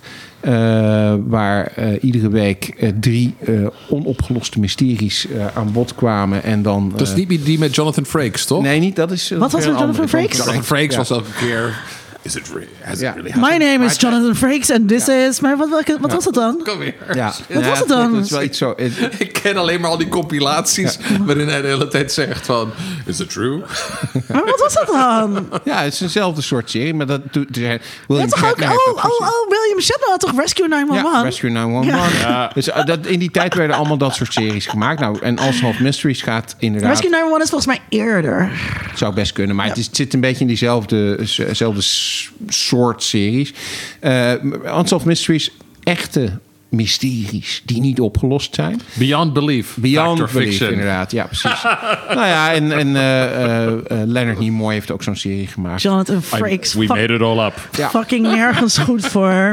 Ehm, maar nu heeft Netflix dus opnieuw Unsolved Mysteries eh, uit de kast getrokken. Eh, in tegenstelling tot de eerdere serie gaan ze niet drie mysteries per programma doen, maar gaan ze één mysterie per programma doen. Het wordt dus een mini-documentaire van een uur. Of zo. Valt nog mee dat ze er niet meteen een Over- documentaire reeks van tien afleveringen van maken. Ja. ja, dat, dat zal het wel ongeveer zijn, denk ik. Ja, ehm, en daar ben ik wel benieuwd naar. Maar ik vond die serie als kind altijd eh, gewoon leuk. Ik, ik hou van X-Files en Unsolved dingen.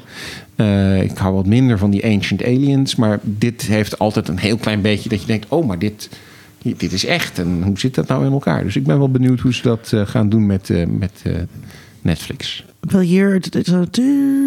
Duur, zo'n deuntje van Ja. de X-Files. Ja. Ging het to believe. Oh ja, dat kunnen we Ja. trouwens, ja, als je dat er toch over begint. X-Files komen op eh, Amazon Prime Video. Oh, fuck. 7 juli. Ik ga ze toch niet kun je kijken. alle Ik seizoenen ga echt kijken. Toch niet kijken. extra niet kijken. Sorry. Nee. Dan, wat, eh, waar heb jij zin in deze eh, zomer? Nou ja, daar kan ik me heel duidelijk over uitspreken. Eh, ik verheug me op één ding. En dat is Black is King, de visual album van Beyoncé. Die gaat droppen op eh, Disney+. Plus. Gaat haar album droppen op Disney+. Plus. Ja, echt. Nou ja, Oh. ik ga hem gewoon hartstikke Die girl doet ook echt alles voor de monies. Ja, ja, ja. maar goed, het moet, eh, er is net gisteren een trailer voor eh, eh, gepubliceerd. En het is allemaal Afrofuturist, nou ja, awesome shit. En het is een nieuw album van Beyoncé, dus ik ga er niet over klagen. Ehm, ik denk dat de, ehm, nou ja, de tijd voor op, op dit moment, en dus nou ja, met alle respect voor Isaac Asimov en Arthur C. Clarke en alle witte mannen van de science fiction canon, dit is gewoon niet de tijd om een nieuwe film van een neocoloniaal bullshit epos zoals Dune of Foundation of welke, weet je wel, Nee, middelbare mannen bullshit fantasy vrij te geven. Dat is gewoon de tijd er niet meer voor. Ehm, de tijd is nu om niet alleen ons aan te sluiten bij sociale bewegingen die eh, zich inzetten voor progressieve idealen, namelijk vrouwenrechten, eh, homorechten en nou ja, niet voor iedereen die niet wit is, dat die dus e- gelijk spel heeft in onze samenleving. Ehm, en wat dat betreft heeft, sorry, maar nu ga ik echt op een preekstoel zitten, maar daar heeft science fiction als, als ons culturele archief heeft alles tegen zich. Alles in science fiction, in onze in klassieke science fiction, gaat om een witte toekomst. Alle schrijvers van science fiction die ons beeld van wat futuristisch is hebben bepaald, zijn witte mannen. En die witte mannen hebben steeds toekomsten geschetst voor ons, waarin hun identiteit centraal staat. Maar je hebt ook ehm, eh, feministische science fiction. Ja, er bestaat feministische Wat, science fiction. wat heel leuk is, maar vaak, er vaak nog steeds wit ook wel. Er bestaat afrofuturisme en dat is ook science fiction. Er bestaat Indiase science fiction. Er bestaat Afrikaanse science fiction. Er bestaat Chinese. Chinese science fiction.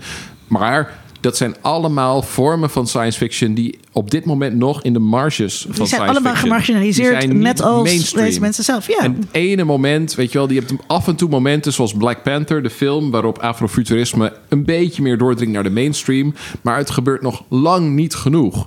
En ik denk dat, eh, ja, en sorry, ik, ik ga nu helemaal op mijn, nog meer op die preekstoel zitten. Maar als wij, als wij naar een, als we echt eh, een, een betere toekomst willen omarmen met z'n allen. En dat, daar is dit wel echt het moment voor. Als we willen zeggen, als we allemaal ons Instagram op zwart zetten en zeggen Black Lives Matter, dan moeten we ook zeggen dat is dit het moment om shit als Back to the Future los te laten en te zeggen, weet je, dat is het verleden.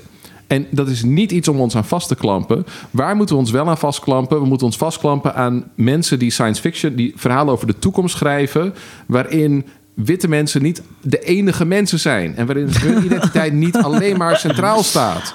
En, en dat is echt niet zo moeilijk. En dat betekent ook niet dat witte mensen fout zijn of verkeerd. Of dat die geen bestaansrecht hebben. Het betekent gewoon dat wij niet de enige zijn wiens bestaan ertoe doet. En als je gaat kijken naar science fiction films door ons hele geschiedenis heen. dan zie je dat de norm die daar steeds gesteld is. En Richard Pryor zei het al in zijn routines in de jaren 70. Hij zei in 1976 deed, eh, had hij, eh, maakte hij een plaat. En dan zei hij: I just came back from seeing a movie called Logan's Run. And I saw the future, and I saw the future that white people imagine, and we ain't in it. We niggers ain't in it. Ja, sorry, nu, ik zeg- Oh, gebruik nu het N-woord om hem direct te citeren. Maar hij zegt wij, en hij gebruikte dat woord toen nog. Wij waren niet in de toekomst, het toekomstbeeld wat jullie de hele tijd voor jezelf schetsen.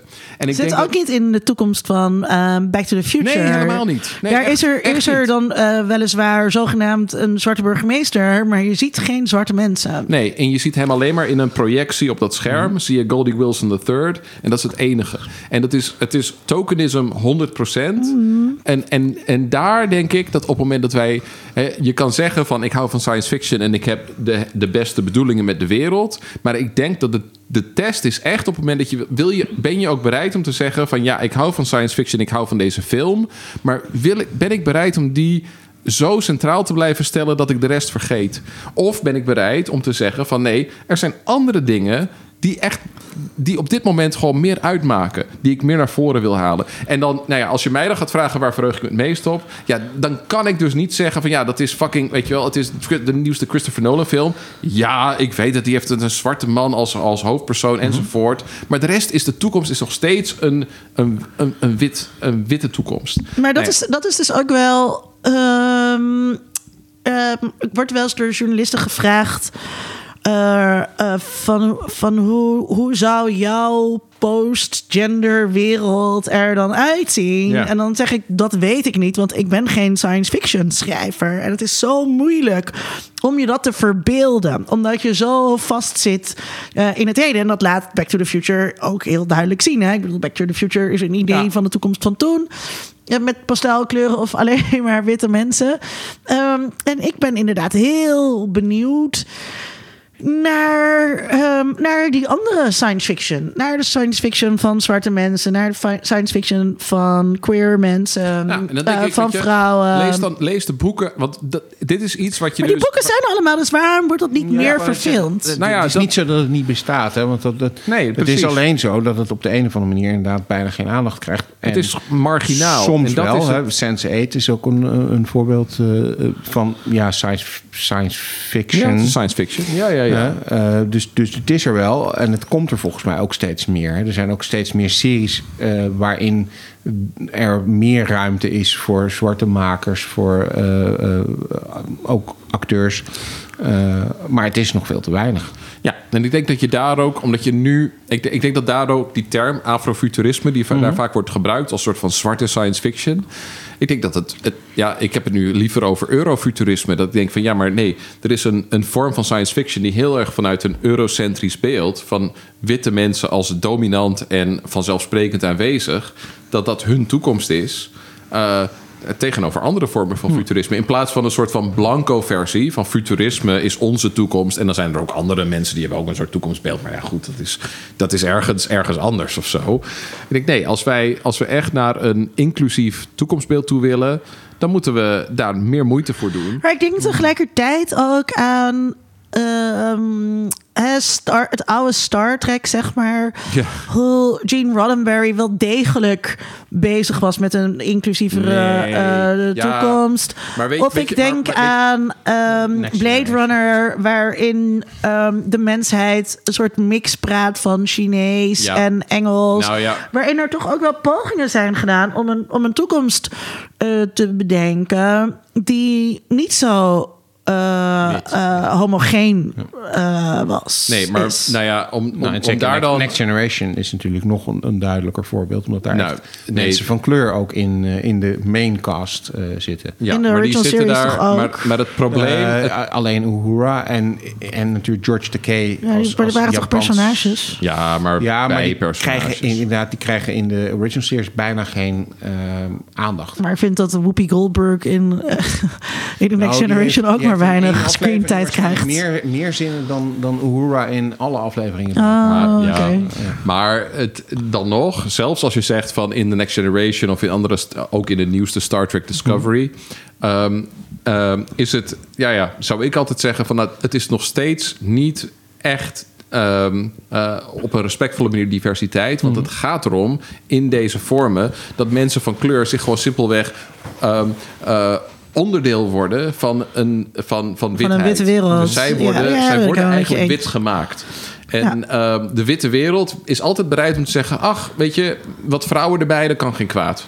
Kom maar, dan worden jullie ook een soort man. Ja, net als dat hetero's, eh, net als dat hetero's tegen CEO. homo's kunnen zeggen: Kom uit de kast. En Ja, dan zeg ik: precies. Wauw, had niet gehoeven hoor. Ik heb je altijd al geaccepteerd zoals je bent. Hè, vrouw wordt directeur. En, dan is, eh, en, Ja. en er is niemand op tegen. Want iedereen zegt, oh wat leuk, een vrouw directeur. Heel goed. Dat is de logica van Star Trek.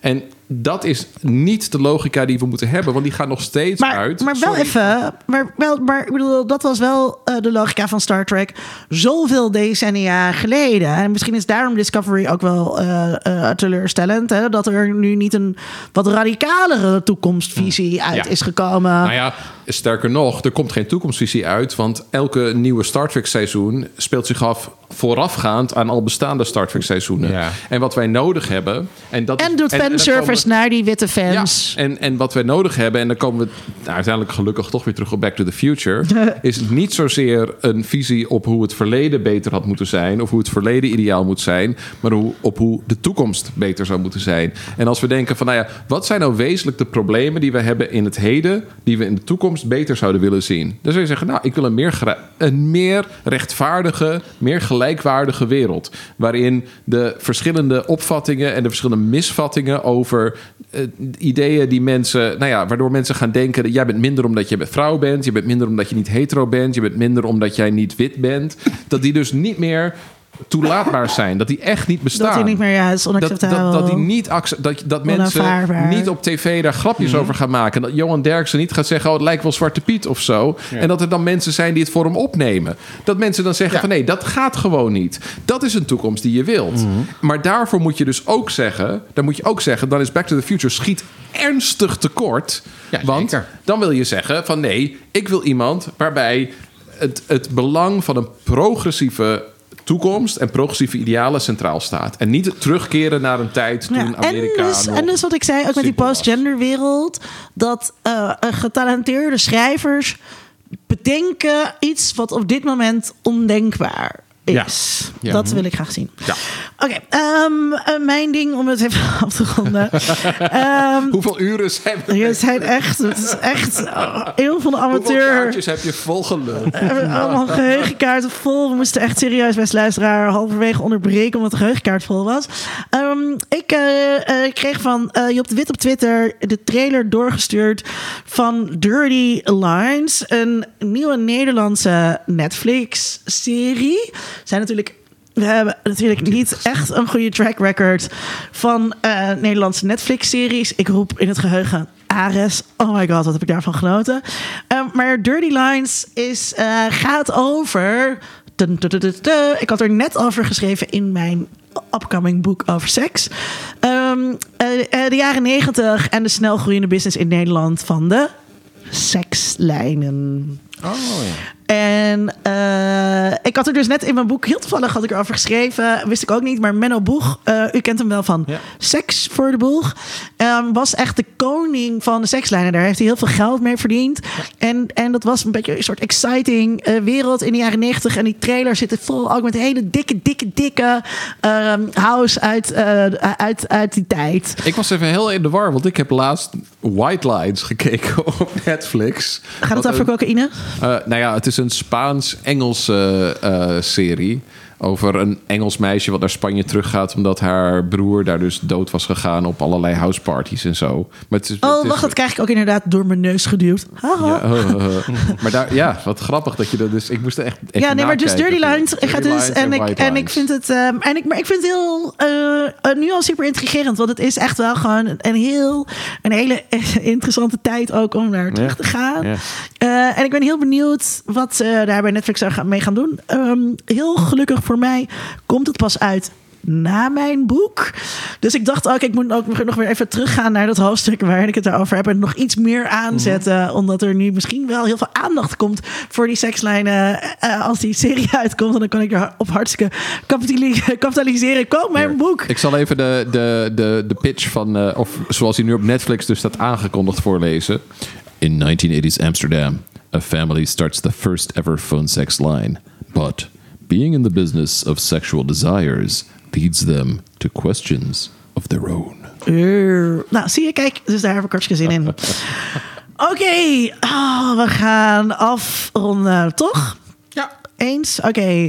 Eh, dit is het moment waarop ik u vraag om ons ehm, eh, te volgen. Bijvoorbeeld op eh, Twitter of op Instagram of op Facebook als je daar nog op zit. Raad ons aan. Ehm, eh, als je vrienden hebt die je wel eens spreekt in het echt en zegt dan: Oh mijn god, ik had echt deze aflevering geluisterd, geluisterd over Back to the Future en ik heb zoveel geleerd. Het was net alsof ik een college kreeg. Ehm, dit is ook het moment eh, waarop ik jou kan bedanken als een van onze Patreons. Als je ons met voldoende geld steunt. En dat doet bijvoorbeeld Rena Bosman. Yay! Ja, het is ook de moeder van Tom. Moet ik het erbij zeggen? Nee. Nee, oké. Het is wel de moeder van Tom. Bedankt. Moeder van Tom. Wees als de moeder van Tom. En steun ons dus op Patreon. Je kunt op onze website, geekydingen.nl, een knop vinden waarmee je op Patreon uitkomt. Als je niet bij een Amerikaans bedrijf... Oh, wacht. PayPal is ook een Amerikaans bedrijf. Als je gewoon geld wil geven, kan dat ook via PayPal. Of zoals Cindy de vorige keer zei, kom je ons ergens in het echt tegen. Gooi dan gewoon briefjes naar ons. Mag altijd. Mag, dat mag altijd. Dit was voorlopig. Ik stel me altijd voor dat ik over straat loop en dat ik dan briefjes lul zo, weet je wel, gewoon naar me toegeworpen krijg. Maar het is nog nooit gebeurd. Maar lul, waarom zouden mensen dan briefjes aan je toewerpen? Ja, als- ja, dat denk ik altijd. Ik denk dat mensen denken, wat een zeikert. Ik vond het altijd zo'n leuke film. En dan begon hij erover te lullen. Ga je toch en geen dan- geld naar ze gooien? Nee, maar dan gaan Ja, ze briefjes. briefjes gewoon bij brief- lul. op Oh, papierbriefjes. Omdat ze wel Nee, maar dan beleefd plakken zijn. Ze, dan plakken ze zo'n kick me briefje op je rug. Nee, dat, oh, zoals in Back to the Future. Ja, nee. nee. Ik denk dat ze gewoon een briefje... En dan denk ik, oh, een briefje. En dan open ik hem en dan staat er lul. Dat is echt... Dat is best wel kut. Oké, niet zulke briefjes aan ons gooien. Gewoon geldbriefjes aan ons gooien. Oké, hartstikke bedankt voor het luisteren. Heel veel dank aan Tom, die ziek is. en deze, deze jambol heeft moeten editen. Mijn naam was Linda Vets. en dit was Geeky Dingen.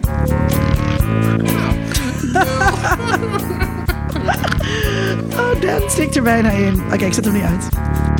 Thank you.